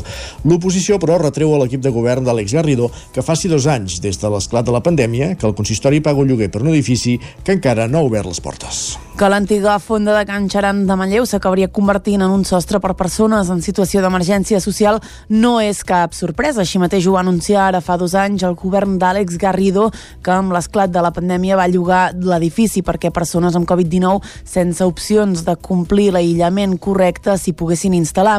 Un lloguer d'un immoble que continua inoperatiu i que per l'Ajuntament suposa una despesa anual de 22.000 euros, un import que se suma al que ja fa front al consistori per allotjar veïns i veïnes de la ciutat en situació d'emergència social en allotjaments temporals de Manlleu o a l'alberg de Vic, una gestió que el PSC criticava al ple d'aquest dimarts. Marta Moreta és la portaveu dels socialistes a l'Ajuntament de Manlleu. La pregunta és molt clara. Uh, voldria saber com, com s'assumirà aquest cost sense tenir una partida pressupostària per aquest, aquest pressupost que vam aprovar? Aquesta seria la primera pregunta. Entenc que suposo que hi haurà s'haurà d'ampliar amb un crèdit o alguna cosa, no sé, que ens ho expliquin perquè voldríem saber-ho.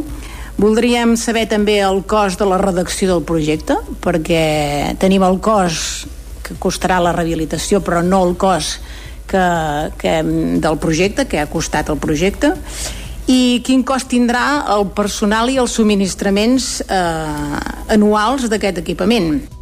Per reformar l'antiga fonda calen 266.000 euros. Una subvenció dels fons europeus Next Generation i aportarà 110.000 euros. Un contracte a programa de la Generalitat, 55.000 més. La resta, però, encara no està clar com s'assumirà.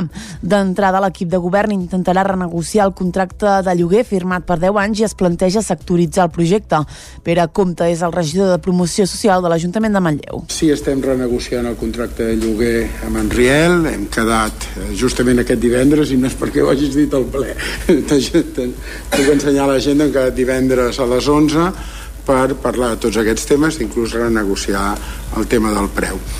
Uh, sí, falten diners només ens arriba el crec que és el 40 i pico per cent del que valia en principi tota la reforma, el que també ens plantegem és eh, començar a fer eh, parcialitzar-ho Habilitar-lo, però, permetrà donar resposta a situacions d'emergència social des de casos de violència de gènere a desnonaments amb més solvència. Enric Vilaragut és el regidor de Serveis Territorials de l'Ajuntament de Manlleu. Hi han 8 habitacions per pis, que són 16. És un nivell d'ocupació ens permetria, si estigués ple, home, donar donar ús o donar servei a bastantes persones i resoldre bastants casos que, que serveis socials té habitualment té i que és cert que evidentment són partides que, que ha de pagar eh, amb altres espais, com recordo sempre les factures que em deia en Pere de l'Hostal Torres, que evidentment ja no les tindríem.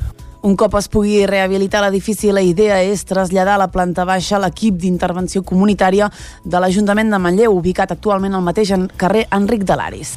Més qüestions. L'equip de robòtica de Nines Eleven de l'escola Casals Gràcia de Manlleu va aconseguir el tercer premi en l'onzena edició de la FERS Lego League, el torneig de robòtica que es va celebrar dissabte a la Facultat de Ciències, Tecnologia i Enginyeries de la Universitat de Vic. L'equip de Ninth Element de l'Escola Casals Gràcia de Manlleu és un dels tres equips que participaran a la final estatal de la First Lego League que tindrà lloc a Múrcia.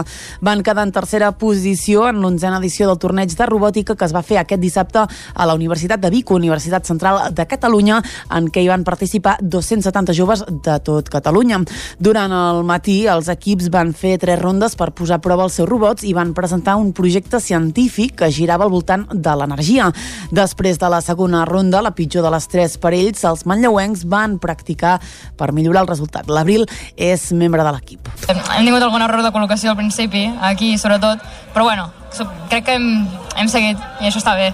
Doncs hem fet diverses proves i anàvem mirant algunes missions que ja sabíem que potser era més qüestió de saber on el posàvem, etc. Anar, anar mirant ben bé com fer-ho i així doncs perfeccionar-ho. Els guanyadors van ser els Legolàctics de Llinars de Vallès, que l'any passat ja van quedar segons i també van obtenir el segon premi al comportament del robot.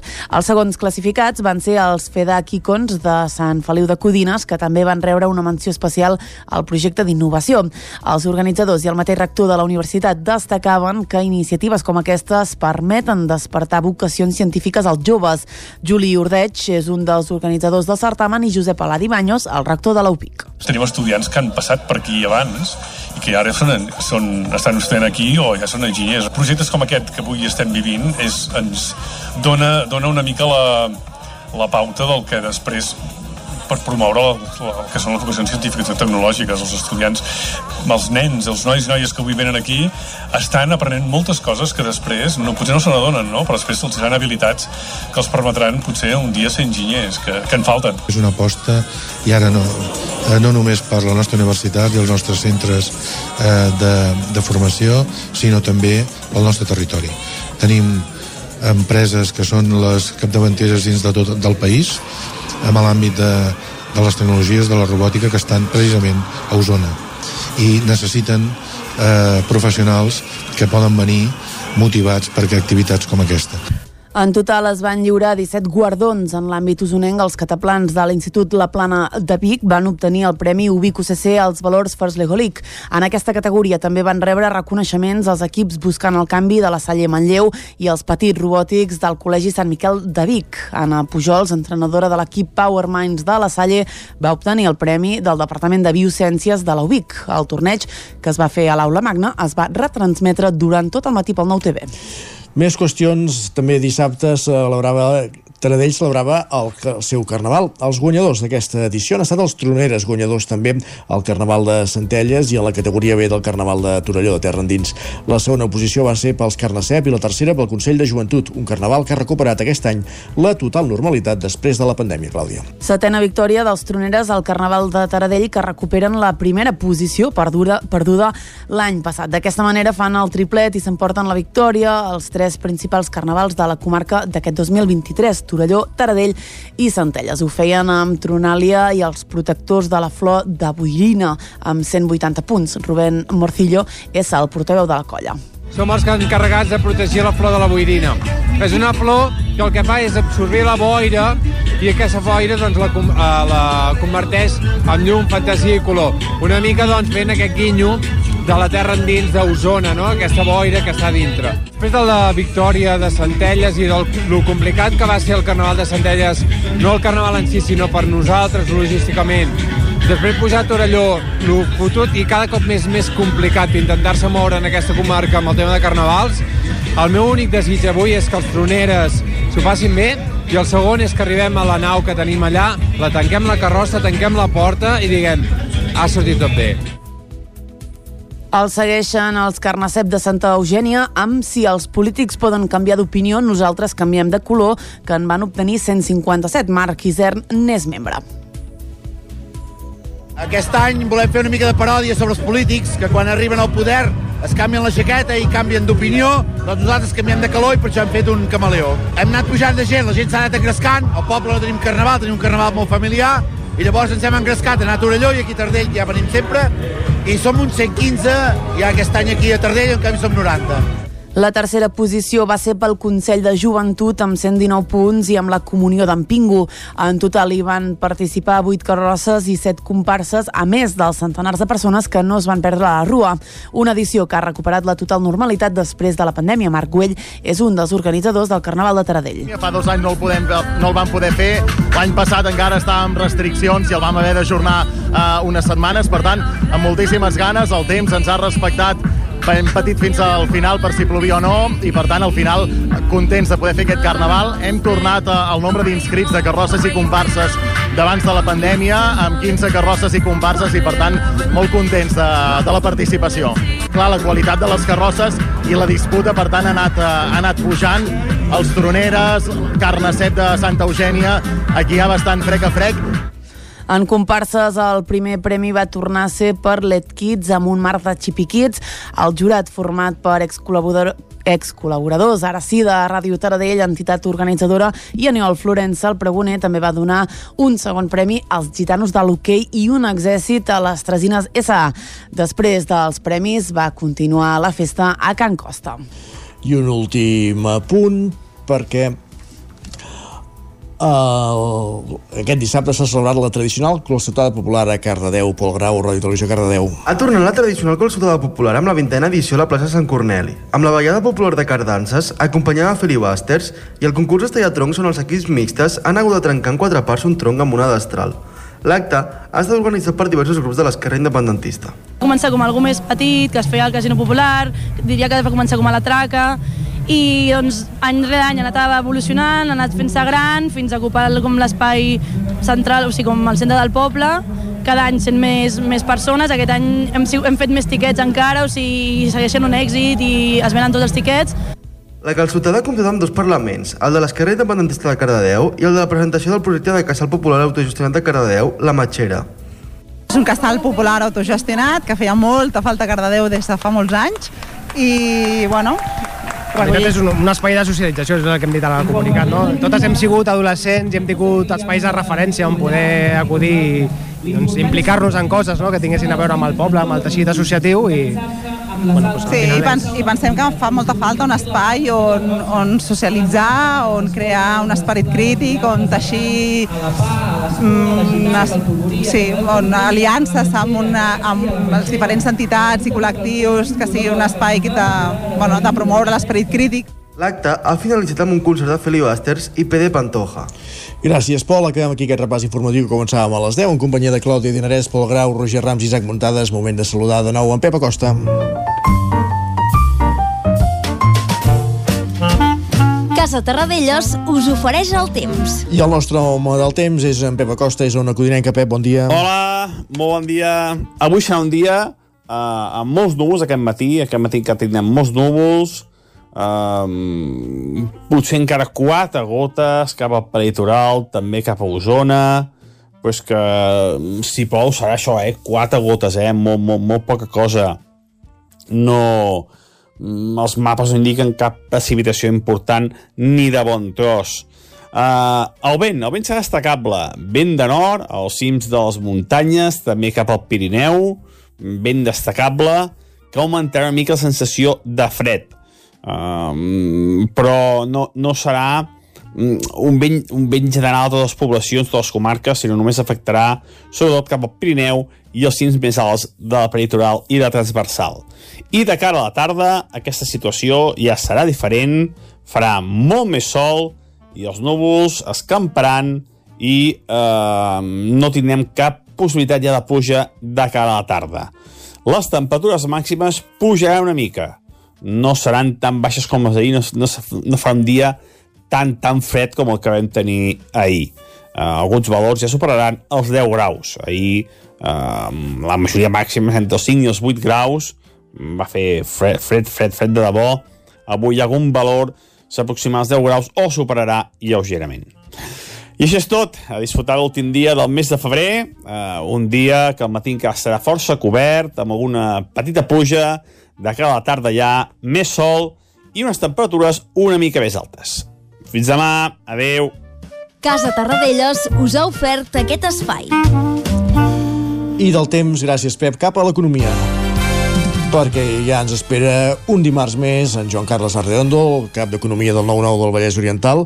Aquesta setmana, Joan Carles, benvingut, bon dia. Ara sí que et sentim. Vale, d'acord. Bon dia. Uh, bon dia, bon dia. Ens deies abans que intentarem explicar per què amb rècords de gent treballant, de, de treballadors, el PIB no va recuperar l'any 2022 el del 2019. Segur que tens respostes a aquesta incògnita, eh? Ho, ho intentem, ho intentem. Efectivament, eh? diguem que el diagnòstic és aquest, eh? el diagnòstic, eh? la malaltia és aquesta, i ara veurem quins són els passos que, que, que han portat eh? aquesta, aquesta situació. Efectivament, tenim un nombre de cotitzants amb, amb màxims històrics, eh? Super, superia, superant els, els 20 milions 200.000 treballadors, això estem parlant sempre de dades de l'Estat, i en un exercici que és bastant habitual a la classe política, hi ha hagut corredisses per penjar-se la medalla. Eh? Per, diu que no? es va produir aquesta eh, anomenada reforma laboral, que de fet va ser ho, ho hem dit moltes vegades aquí, eh, però ens, ens ho prenem més com un, com un retoc cosmètic que com una veritable reforma, però eh, el que, el que diguem-ne que el que, indica, el que venen a destacar de, del que indiquen aquestes dades és que afavoreix la contractació més estable que és un afavoriment que és més, més sobre el paper que sobre la realitat de fet eh? Efectivament, hi ha més persones que cotitzen, però aquesta realitat contrasta amb aquest relatiu estancament del PIB, perquè, de fet, el PIB encara no ha recuperat les xifres prèvies a la pandèmia. Sí que hi ha més gent treballant, però, en canvi, el PIB no, no, no ha recuperat aquestes xifres.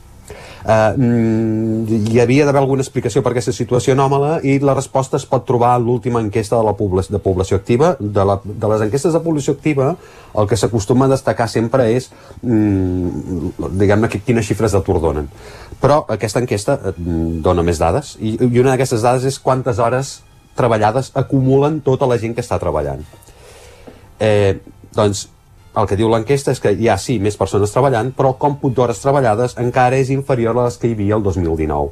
Mm -hmm. Això pot explicar en, en part, eh, el PIB està, està compost per altres, eh, per altres aspectes, eh, la inversió pública, la inversió privada, etc. Però sí que és veritat que molta part del PIB és el que ingressen els treballadors, diguem-ne, doncs, doncs per treballar, no?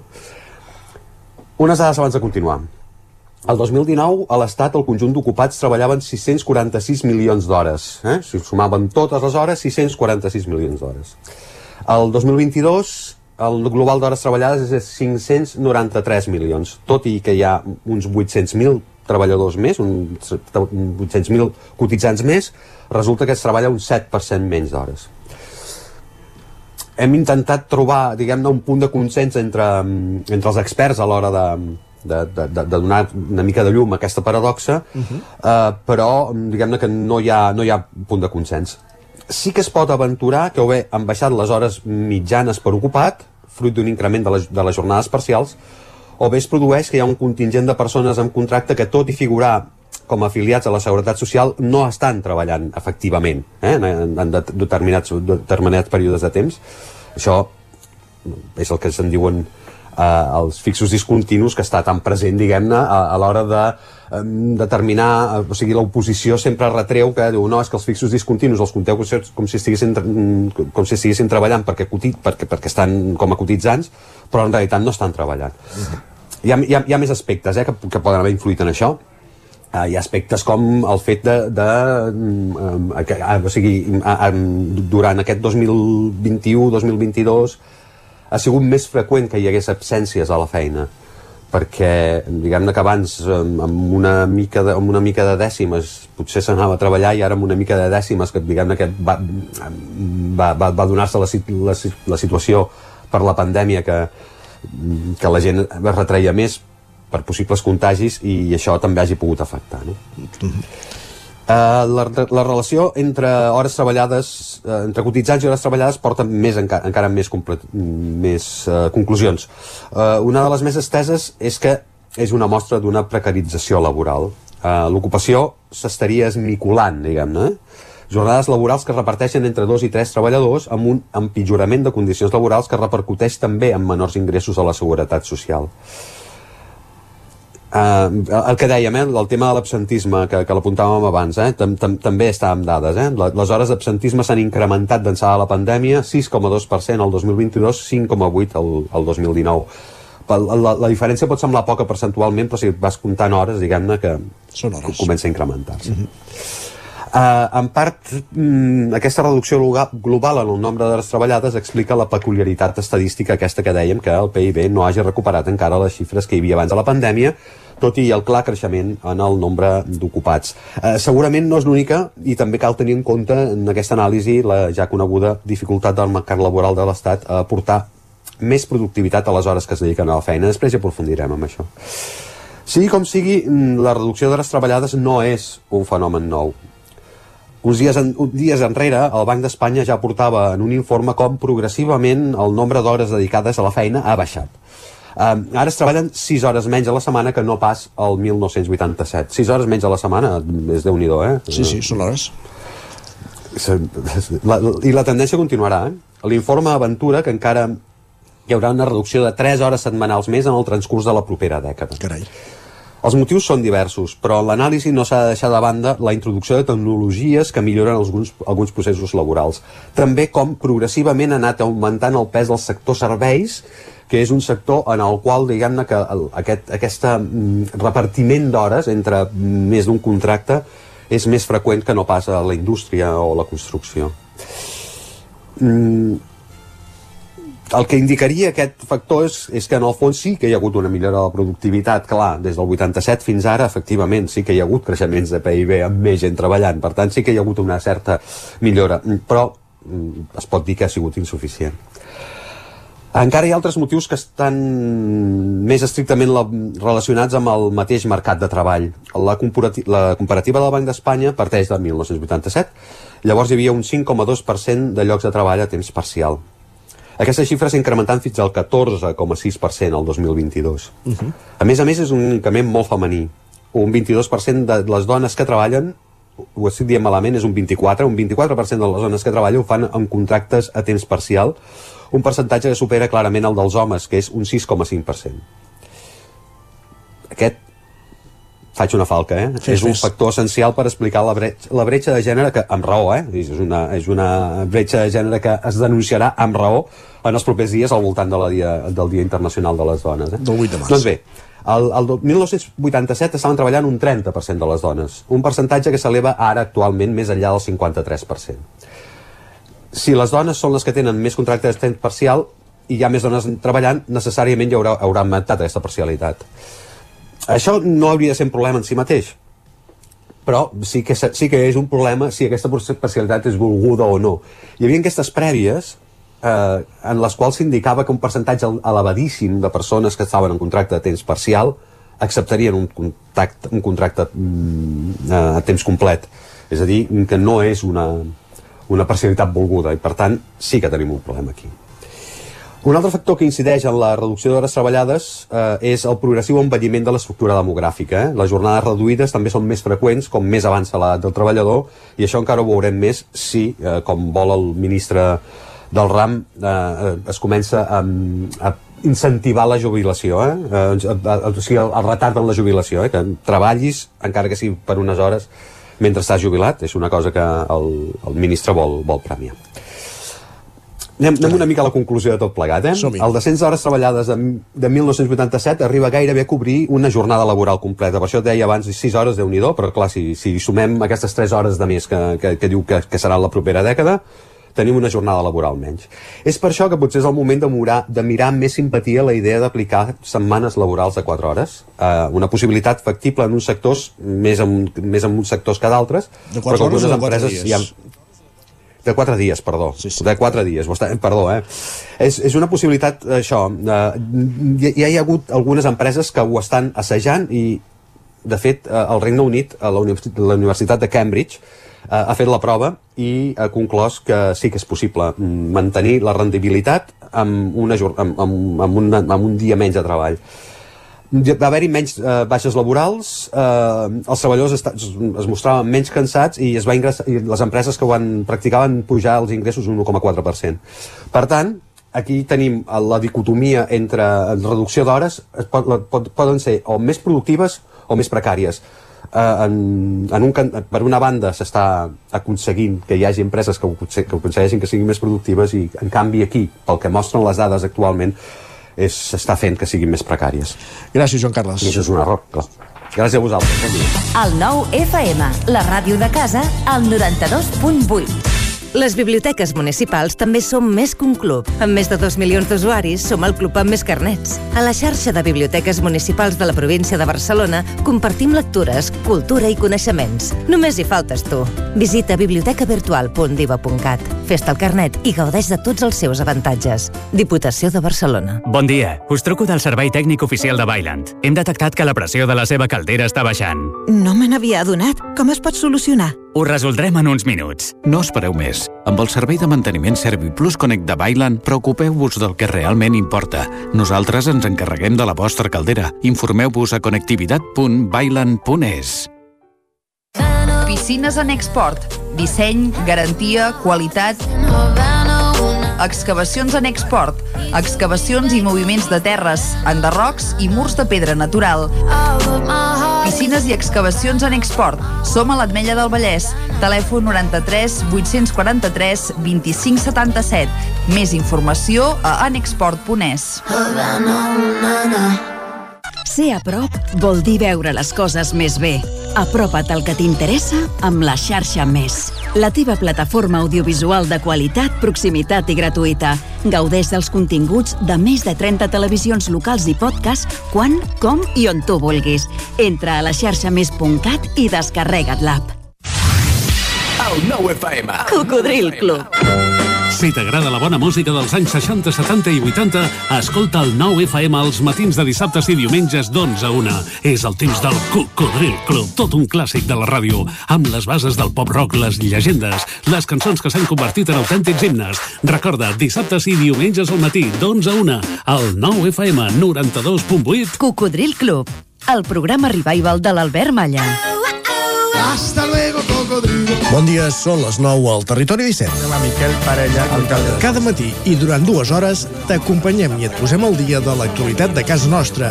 Potenciant així l'autonomia En aquest cas me la peça el taler si no... Cursos per feminitzar el pensament masculí.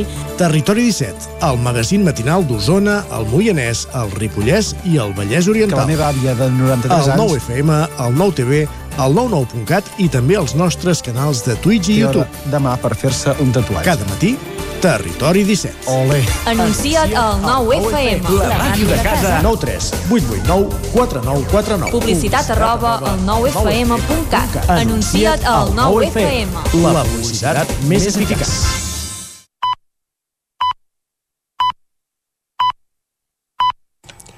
En punt dos quarts d'onze al territori 17.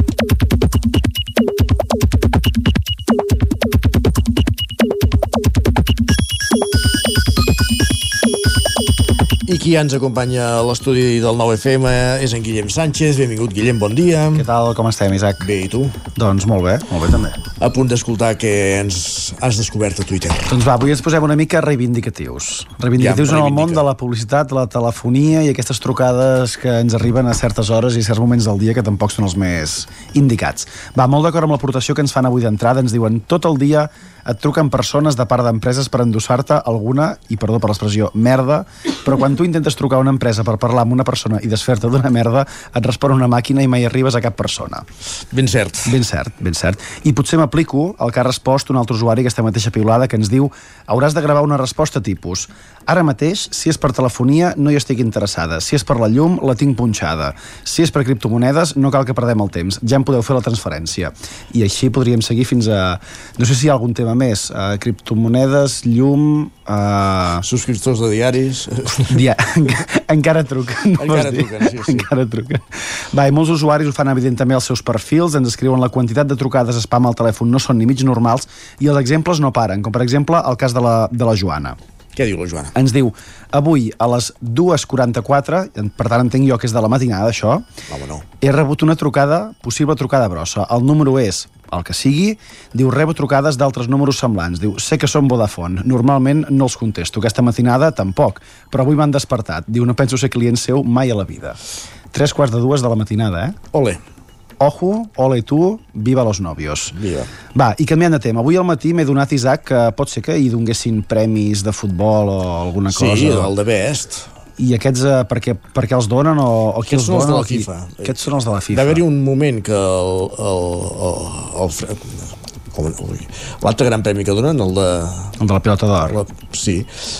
Va haver-hi un moment que es va juntar la revista Friends Football i la FIFA per fer uns premis conjunts i diria que s'han tornat a separar i ara la FIFA torna a fer aquests pel seu cantó. Vale, se m'han tornat a cancel. Són els que han donat ara amb l'Alexia i amb en Messi. Leo Messi, oi? Doncs va, una aportació del nostre company, en Miquel R, que ens diu que una jugadora molt bona però lesionada des de l'estiu passat continuï guanyant tots els premis individuals em sembla desencoratjador per a la resta de grans jugadores. Eh, en la mateixa línia el nostre home del temps també piolava, eh? Pepa Costa també deia una cosa similar. Doncs, doncs va, i parlant de futbol, l'Albert ha estat molt encertat aquesta setmana amb el següent missatge. Ja. Ferran Torres ha nascut un 29 de febrer. Aquest any no podrà celebrar-ho, però esperem que tot i així puguem celebrar un any de traspàs. un any de traspàs. Clar, l'home fa anys cada 4 anys, tu. El que no sé si en suma 4 o en suma 1. li podríem demanar, li farem un truc ara després de la, de la secció. Va, no sabrem per això si ell ocuparà el lloc de Lewandowski aquest dijous en el partit de Copa del Rei que el Barça juga contra, contra el Madrid. Després de conèixer ahir la baixa del davanter polonès, en Marc ja ens escrivia felicitats al Madrid per la seva Lliga número 36 i la seva Copa del Rei número 20. Home, va, va, va. Apostes hem de, hem de fer porres o no, Isaac? No, val més que no. No? Doncs va. Esperem que per aficionats del Barça i que en Marc no tingui raó, però ara ens toca canviar de tema. Va, un nou exemple que ens permet saber eh, que el temps passa i sobretot que els temps canvien. Ens escriu en Miquel, atenció. Diu, en breus faig 27 anys i no paro de pensar que els meus pares amb 27 estaven casats amb tres fills i un pis amb hipoteca. Jo amb 27 anys no sé si em casaré mai, no vull tenir fills i no sé què és una hipoteca. El primer que has d'aclarir, com es diu l'home? Miquel. Miquel, el primer que has d'aclarir és que en breus no vol dir res. Ens has de dir en breus què. I a partir d'aquí... El que vulguis. El que vulguis, sí. Va, què més? Va, i si voleu que tot vagi més a poc a poc i no us passi la vida per sobre com un tren sense frens, un consell també d'un altre Miquel que li diu feu-vos una hipoteca i la vida passarà molt més lenta. És un bon consell, aquest. És un bon Exacte. consell. I, I més agònica, també. I més agònica. Va, i en uns dies de baixes temperatures hauria d'haver-hi premi per a aquestes persones. L'Eli ens escriu la llei del més fort, els que aguanten a la terrassa del bar, tot i aquest fred. No entenc com encara hi ha gent que prefereix fotre's de fred, estar en una terrassa del bar, podent estar dintre, tranquil·lament, fent una cervesa, fent un cafè, fent el que faci És el falta. que tenen els fumadors. No ens ho ha dit per això, si fuma ah, aquesta, aquesta usuària, però bé, potser ens ho podem imaginar.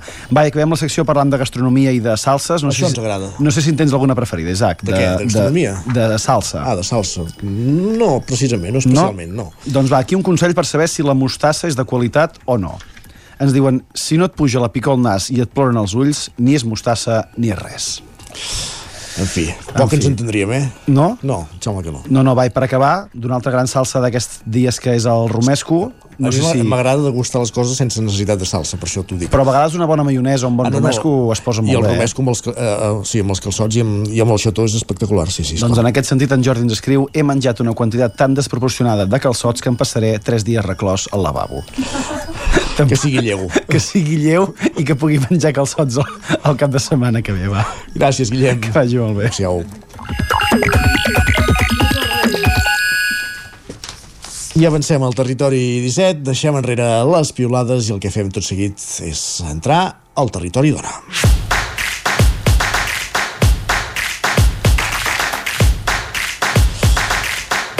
Passen gairebé 6 minuts de dos quarts d'onze del matí. Maria López, bon dia, benvinguda. Molt bon dia, Isaac. Doncs sí, arribem amb aquest ritme ja de timbals que ens anuncia que comença el Territori Dona, aquesta tertúlia de batalla que fem les companyes de Territori 17 i que posa sobre la taula la realitat social sobre les diferències de gènere que encara impregnen el nostre país. I avui, malauradament, l'actualitat ens porta un tema del que tant de bo n'hi haguéssim de parlar. I és que la setmana passada els mitjans s'omplien del trist titular sobre el suïcidi de l'Ivan, un nen de 12 anys que decidia acabar amb la seva vida després del bullying continuat al seu institut. Amb ell, la seva germana bessona també intentava treure's la vida, tot i que hores d'ara segueix hospitalitzada i no estem en principi per la seva vida. Ens explica el cas la Clàudia Dinarès des del Nou Ràdio. Molt bon dia, doncs uh, sí, fem una mica d'exposició del cas. Avui fa exactament una setmana, dimarts uh, passat, dia 21 de febrer, a mitjans de tot el país es feien ressò d'una notícia que va sorprendre i que d'entrada deixava el següent titular, un titular que més endavant tornarem a, a comentar. Deia, dues bessones de 12 anys es precipiten des d'un tercer pis a Sallent. En aquest mateix moment, els mitjans ja avançaven que una de les dues havia mort a l'acte i que l'altra havia quedat greument ferida, tot i que no es temia per la seva vida. Primer error, eh, Maria, que el comentem ara i el tornarem a comentar si de cas més endavant, és que no eren dues germanes bessones. Eh, els mitjans continuen parlant de germanes bessones i no, no eren, eren dos germans. L'Ivan, que és... Totalment d'acord.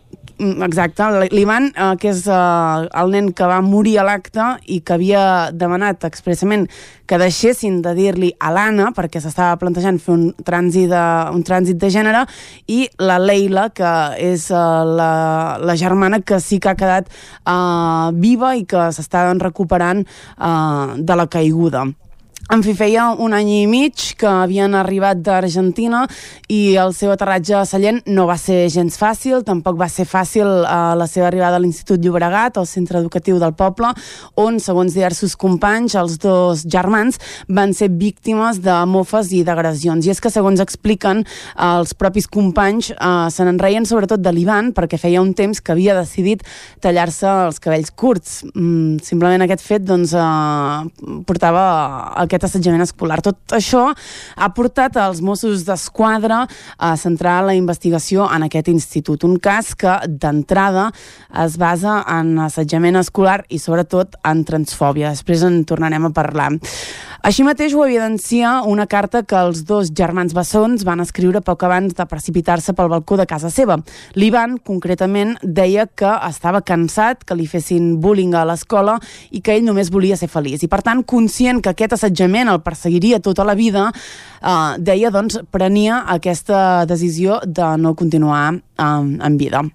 És prou evident que eh, el que els hi passava en aquests dos germans eh, era un cas d'assetjament, de bullying, de transfòbia, però resulta que no és prou evident pel centre educatiu ni tampoc pel conseller d'Educació, Josep González Cambrai, que la setmana passada va compareixer assegurant que el centre no havia detectat cap problemàtica específica. Cert és, però, que, responent a preguntes de la premsa, Cambrai tampoc va saber respondre si el centre havia activat o no el protocol d'acompanyament de l'alumnat transgènere. Un protocol que, uns dies després, tal com va avançar l'inspector del Departament d'Educació que està treballant per esclarir els fets de Sallent, eh, ell ja va dir que en cap moment aquest protocol s'havia activat. Tot plegat és una teoria que aquest cap de setmana ha agafat força perquè ha parlat l'avi dels dos germans de Sallents, ho ha fet amb declaracions a una televisió argentina. Gustavo Lima deia que els seus dos nets patien bullying a l'institut i que la situació es va agreujar quan eh, l'Ivan va decidir canviar-se el nom perquè, mm, lluny de respectar-los, mm, molts companys de classe, en comptes de dir-li Ivan, que era la seva petició, li deien Ivana. En fi, el cert és que amb els dies companys de classe, també antics alumnes del centre, posen en dubte que les coses s'hagin fet bé. Ahir dilluns, de fet, una trentena de persones van accedir al pati de l'escola amb una pancarta on podia llegir-se Volem justícia. També van demanar la dimissió del director de l'institut. Uh, diuen que no van fer res per evitar la situació que patia l'Ivan i tampoc la seva germana cas que posa molt en evidència les mancances del nostre sistema educatiu o, si més no, de l'ús que se'n fa d'algunes eines que, que s'han anat eh, creant en els últims anys. Sembla que no acaben de funcionar al 100% o com haurien de, de funcionar. I en aquest cas, sobre la taula, avui nosaltres hem volgut convidar a Territori Dona precisament a un vell conegut de la casa, que ja ens va acompanyar fa uns anys en el seu moment, al racó de Pensar, per parlar concretament del bullying. Ell és en Brian Giner, és un jove creador de contingut, locutor en mitjans de comunicació catalans i és també escriptor. De fet, recentment va publicar el seu llibre Golpeado però no derrotado, on relata la seva experiència amb el bullying que va sofrir durant 12 llargs anys. Bon dia, Brian. No sé si tenim el Brian amb nosaltres. Bon dia, Brian, ens sents? Hola. Hola, m'escolteu? Hola, Brian. Sí, Brian, Hola. et sentim perfectament. Bon dia, com estàs? Bon dia, gràcies per convidar-me. Gràcies per tornar amb nosaltres a Territori 17, aquest cop al Territori Dona. Uh, ara la Clàudia ens posava en antecedents, ens situava amb el, amb el cas dels bessons de, de Sallent.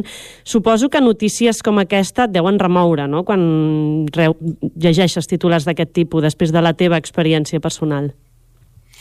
Sí, desgraciadament no és una cosa nova perquè, bueno, ja l'hem vist anteriorment al cas de la Kira, eh, a l'aspecte de que es va suïcidar, l'escola eh, diu que no, que no va haver-hi cap assetjament escolar i inclús avui dia continua, no? Eh, el pare reben e-mails al, al correu de, de la seva filla eh, amb amenaces de, de, de mort, no? Vull dir que aquest cas, desgraciadament, és un més però aquest, aquesta setmana en, en concret eh, han ressaltat tres casos nous. Vull dir, ahir també va haver-hi un nen que es va intentar suïcidar.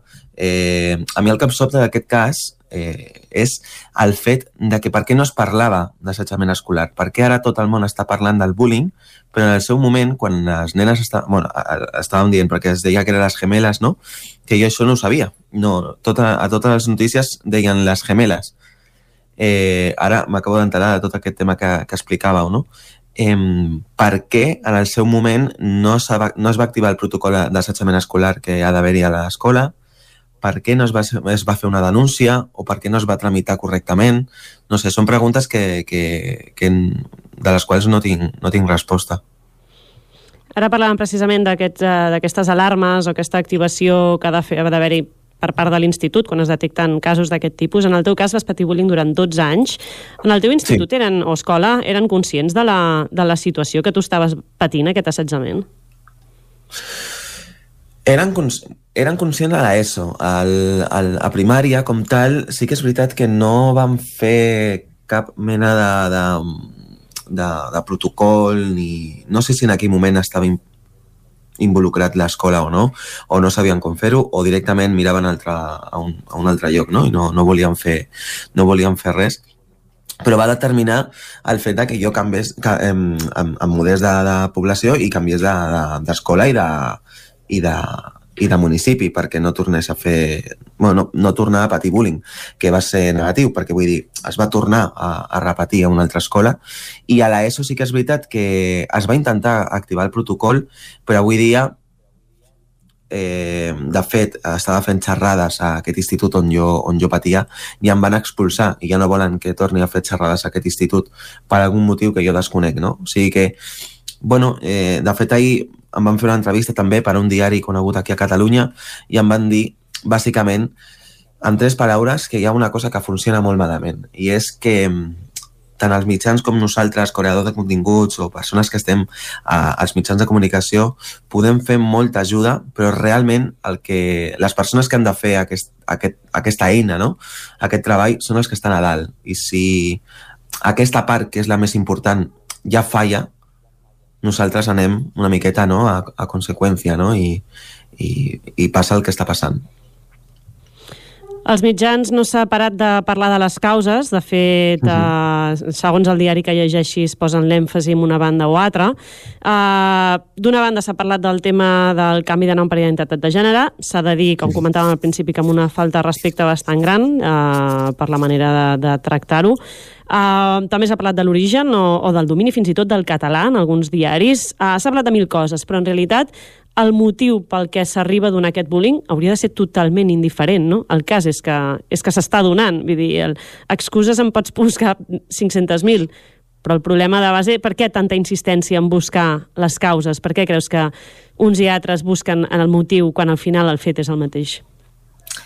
Jo crec que aquí el que passa és... Eh, aquí hi ha dues bandes. Per una part, eh, l'escola, o, o l'equip que, que està dirigint l'escola que no vol tenir una imatge negativa i, i se quita les culpes, no? Les culpes van per a altres. D'aquesta manera, clar, crees rumors, crees eh, mentires, les, els mitjans de comunicació agafen la informació que tenen de manera correcta o incorrecta, aquí ja depèn de cada mitjà de comunicació i, i ho explica d'una manera perquè tornem a dir que estem en un, un moment de la societat en el que és molt fàcil fer un clic i has de fer títols llamatius perquè així és com entra la gent. I per l'altra banda eh, també està la part de... Bueno, eh, va sortir la notícia, primer mitjà de comunicació que surt a la televisió i ja sabien de tot no? i no havien parlat ni amb l'avi, ni amb els nens, ni, no havien parlat amb ningú, però aquest mitjà de comunicació ja tenia tota la informació. Llavors, clar, és una bola de neu constant que jo crec que el, el, aquest és el tema. El que passa és que no es, es, es sap que hi ha bullying, es sap que hi ha assetjament escolar a moltes escoles o pràcticament a totes, però eh, oculten d'una manera molt negativa. Però no només per la gent de fora, sinó per als nens que estan dins. Perquè si l'escola ha de ser un lloc on has d'estar segur, on has d'estudiar, on has d'estar eh, tranquil·lament i et dona la sensació contrària, aquí hi ha una cosa molt, molt, molt negativa per, per tot l'equip de professors que estan dins d'aquesta escola i també per als nens. I els pares, clar. Ara parlàvem precisament d'aquesta quasi lluita entre mitjans buscant les causes eh, i amb dub- dubtoses intencions. Clàudia, crec que tu precisament has fet una mica d'anàlisi no, del paper dels mitjans. Exactament. Uh, primer destacar això que ja dèiem a, a l'inici, que, que encara hi ha mitjans de comunicació que parlen de bessones, és una cosa que jo no entenc, no puc entendre, no puc concebre. Uh, si la família ha dit explícitament que uh, era l'Ivan i la Leila, per, la, per tant, és que són dos uh, germans, no són dues germanes bessones, per tant, a veure si, si la cosa canvia. Fa el tom, alguns mitjans ja han sortit a dir, a explicar que, que canvien aquesta tendència, però en fi, n'hi ha que evidentment encara parlen de, de bessones. Uh, així no respecta la voluntat d'una de, d'una de les dues víctimes, que, com dèiem, en vida ja va demanar explícitament que se'l tractés com a Ivan. També eh, volia destacar que són molts els mitjans que m'agradaria saber veure què, què en penseu vosaltres que han subratllat i posat en negreta i amb, amb color i ho han destacat molt per sobre i és que els dos germans rebien ajuda psicològica. Jo el que em pregunto és cal eh, insistir tant en el fet de que rebien ajuda psicològica? És a dir, és una cosa tan estranya rebre ajuda psicològica? Jo penso que no, i penso que dir-ho tant i insistir tant en aquest fet eh, és d'alguna manera jugar amb el fenomen de la salut mental. No sé què en penseu vosaltres. Totalment, és a mi, de fet, una mica la sensació que tinc, el simple fet de que s'estigui buscant la justificació, o sigui, el, estan buscant constantment les causes per a aquest assetjament, com si fos justificable, d'alguna manera, no? Com si, segons el que diguis... Com si ja es veiés a venir, no sé. Sí, o sigui, que estan en tractament, doncs, evidentment, si, si hi ha una persona, a més a més, eh, que està fent un, una transició de gènere, doncs el millor que pots fer és que tingui un acompanyament psicològic, però és que em sembla de calaix, i això no té per què acabar com ha acabat. El que, ha, el que ha, ha causat que la cosa acabi és l'assetjament, no el procés en el que estava, no? I, i ja, jo ja els diaris ja, ja em volia donar alguna cosa quan parlaven del tema, de la, les, el tema del català com si ara haguéssim de buscar els culpables de tot això Exacte. amb, amb, no sé, amb, amb el sistema educatiu català. És que és constantment buscar una justificació a un suïcidi. No hi ha. L'única justificació, l'única causa és l'assetjament. El que no podem és buscar a la justificació a l'assetjament. Aquest és el problema. Exactament. Exacte, jo sí, jo depèn, eh, quan em fan alguna entrevista també que em parlen una miqueta de quina és la, una solució o quina és la, la manera d'intentar que no hi hagi tant assetjament escolar, jo sempre tracto el tema de la salut mental, que jo crec que és un, un aspecte a tractar molt important, però no per a la gent que pateix bullying, que també, sinó per totes les persones. Al final, eh, les persones adultes patim també d'alguna manera eh, diferents problemes a la vida i potser també fa falta alguna miqueta de, de, de psicologia, però per l'aspecte de hem d'anar al, al taller no? de, del cap, per, per dir-ho així d'una ma- una manera, manera eh, més, més bonica, però al final a les escoles eh, els nens d'alguna manera imiten el que veuen a casa, no? I, I jo crec que també fa falta el tema de, de la psicologia a les escoles per, per al fet de que passen moltes hores dins d'un lloc, és, los tiempos canvian, les coses canvien i jo crec que també necessiten mm, desfogar-se, explicar què passa, explicar com estan. Jo crec que no passaria el que està passant ara mateix si, si hi hagués molta ajuda psicològica a les escoles. Però jo crec que est- estic amb tu, Maria, perquè realment busquen justificació amb temes que literalment mm, només el que volen és morbo, per dir-ho així, no? Eh, volen eh, això, un clic fàcil, no? O buscar el, el titular i no parlar del problema, no? Realment, que és l'assetjament escolar i que, què s'ha de fer per, per parar-ho. Brian, en aquest cas, bueno, tu has patit bullying molts anys, 12 anys són molts anys. En aquest cas ens trobem davant un extrem que malauradament ha acabat amb, amb un suïcidi. Uh, suposo que fins que no arriba a aquest extrem uh, amb aquests titulars tan, tan durs no ens arribem a fixar i a posar en el focus, no? No sé si tu amb 12 anys uh, mai et vas arribar a plantejar un, una situació tan extrema com arribar a treure't la vida, per exemple. Has d'estar, suposo que el, el nivell de tensió i de patiment ha de ser molt alt. Sí, de fet sí que va, va, em va passar pel cap el que passa és que hi ha com diferents aspectes abans d'arribar a aquest punt i, i te n'adones que, que si jo quan tenia 12 anys, ara tinc 23, quasi 24, ja, ja ha plogut una miqueta, i ara torna a passar, i continua passant, estem veient que tot aquest temps que ha passat no, ha, no s'ha solucionat res. Vull dir, mm, els problemes encara estan i possiblement ara estan més grans, perquè ara tenim les xarxes socials, tenim el ciberbullying, que ara és inclús una manera de, de fer assetjament escolar a casa, no? sense estar l'agressor i la víctima a un mateix espai a mi sí que em va passar pel cap i he de dir que gràcies als meus pares no, no vaig fer cap mena de, de locura. Però bueno, és una situació d'extrem, una situació en la que no t'entén ningú, estàs a un punt d'una escola on t'insulten, et peguen, t'amenacen, ningú fa res, tots els professors miren cap a un altre lloc, demanes ajuda i tampoc es fa pràcticament res i l'únic punt que s'hauria de fer és denunciar i anar-te de l'escola. I jo crec que en aquell moment no era, per situació econòmica i per la situació que teníem a casa, no era la manera més mm, positiva o correcta de fer no? en, aquell, en aquell cas.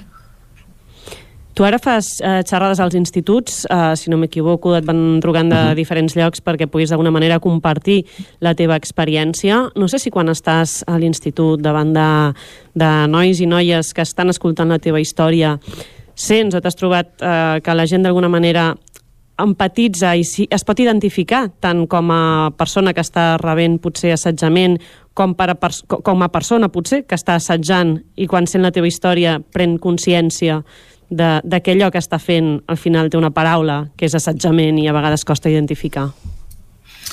Sí, jo sempre que, que, que estic fent les xerrades, ja no només jo mateix, sinó també amb els Mossos d'Esquadra, que treballo conjuntament amb ells, eh, fem una miqueta de cavall de Troia, no? perquè hem de, de veure quina és la persona més o menys que està fent assetjament escolar. A vegades, prèviament, ja parlem amb, amb els professors que hi veiem el, el, el cas que hi ha, no? I quan ho tractem d'una manera molt real, amb gràfiques i amb una explicació d'una persona que ho ha patit i que ha estat a la situació que estan ells, no? a vegades aquest cavall de Troia serveix per quan la persona més forta cau, la persona que fa bullying és la que cau, la que plora i la que es trenca, a conseqüència hi han tres o quatre que també ho passen, no? I la gent es queda com, ostres, però què, Mm, què ha passat, no? Per què està plorant aquesta persona? bueno, perquè hi ha el bullying silenciós, el bullying que no es diu, el bullying que ho pateix d'una manera molt íntima, molt personal i no ho sap ni els seus pares i a vegades aquestes xerrades eh, són necessàries per intentar obrir una miqueta el cor i el cap del, de l'adolescent no? i veure a veure què és el que ja està passant dins. Perquè recordem que els nens, d'alguna manera o una altra, eh, els problemes que hi ha actualment a la societat no ho, sol, no, no ho diuen a, a les persones, ho diuen personalment, inclús ho escriuen, però s'ho queden per ells mateixos. Llavors, clar, arribar a aquest punt de que explotin és molt difícil, però si ho aconsegueixes és molt gran. Creus que precisament potser és el, el primer, aquest primer pas, el reconèixer que t'està passant això, potser és la part més complicada per començar a fer alguna cosa, admetre que al final estàs sent víctima d'assetjament? Sí, sí, no, totalment. De fet, eh, vam, vam parar un cas fa poquet d'una un, persona que feia bullying, eh, que conjuntament amb els Mossos d'Esquadra vam investigar i resulta que els seus pares bueno, eh, hi havia violència de gènere a casa i, i el nen veia normal el fer agressions perquè a casa era normal. No? Al final hem de veure tant la víctima com l'agressor, la, parlar amb els dos i, i veure què passa. No? Però sí, sí, totalment. Doncs, uh, Brian, moltíssimes gràcies per acompanyar-nos avui. Clàudia, gràcies uh, també per posar-nos en aquests antecedents i aquests titulars uh, que ens ajuden també a obrir els ulls, com gràcies. fem nosaltres les a vosaltres. coses. Gràcies. Eh, I avui acabem amb aquesta música del grup Xiula i aquest trap antibullying amb el títol Respect. Moltíssimes gràcies i ens veiem eh, dimarts vinent a un nou Territori Dona. I em diuen que torni al bressol, em quedo trist sense consol. Crec que aviat ja perdré el control. Vols riure de mi? Podem parlar-ho. No em ve de gust? Has d'aguantar-ho. Tu vols que jo passi a parlar-ho? Jo dic stop, tu dius ja paro. Ja paro. Pots posar-te la meva pell. No és fàcil quan et sents el rei. Però els d'aquí baix sí que ens importa i deixarem ben morta la falta de respecte. Podries estar fent surfing, footing, trekking, pudding, piercing, karting, wedding, bungee, camping, però en tot cas deixa d'estar fent bullying. Fins i tot curling, meeting, shopping, coaching, all my loving, però no et dediquis al bullying. I en el tema de les bromes són molt bones, però potser no te n'adones que podries fer riure totes les persones. Uns són gordos, unes altres són molt mones. Voltes i voltes, el mateix sembles un microones. Anem a mirar-nos al mirall, gallina i gall, que no hi ha superhomes. Et passis el raspall, a tots ens falten plomes. No hi ha cors de metall, podem tenir males estones, però podem tenir moments guais, ja vas pillant les zones. Respecte al trap anti-bullying de Xiula, així acaba el territori dona i així acaba el territori 17 d'aquest matí de dimarts 28 de febrer de 2023, l'últim territori 17 del mes de febrer de 2023. Us hem acompanyat des de les 9 del matí Isaac Muntades, Pepa Costa, Roger Rams, Pol Grau, Joan Carles Arredondo, Guillem Sánchez, Maria López, Clàudia Dinarès i Isaac Moreno. I tornarem demà a partir de les 9 del matí. Fins aleshores, gràcies per ser-hi i molt bon dimarts. Adéu-siau. Territori 17, un magazín del nou FM. La veu de Sant Joan, Ona Codinenca i Ràdio Cardedeu amb el suport de la xarxa.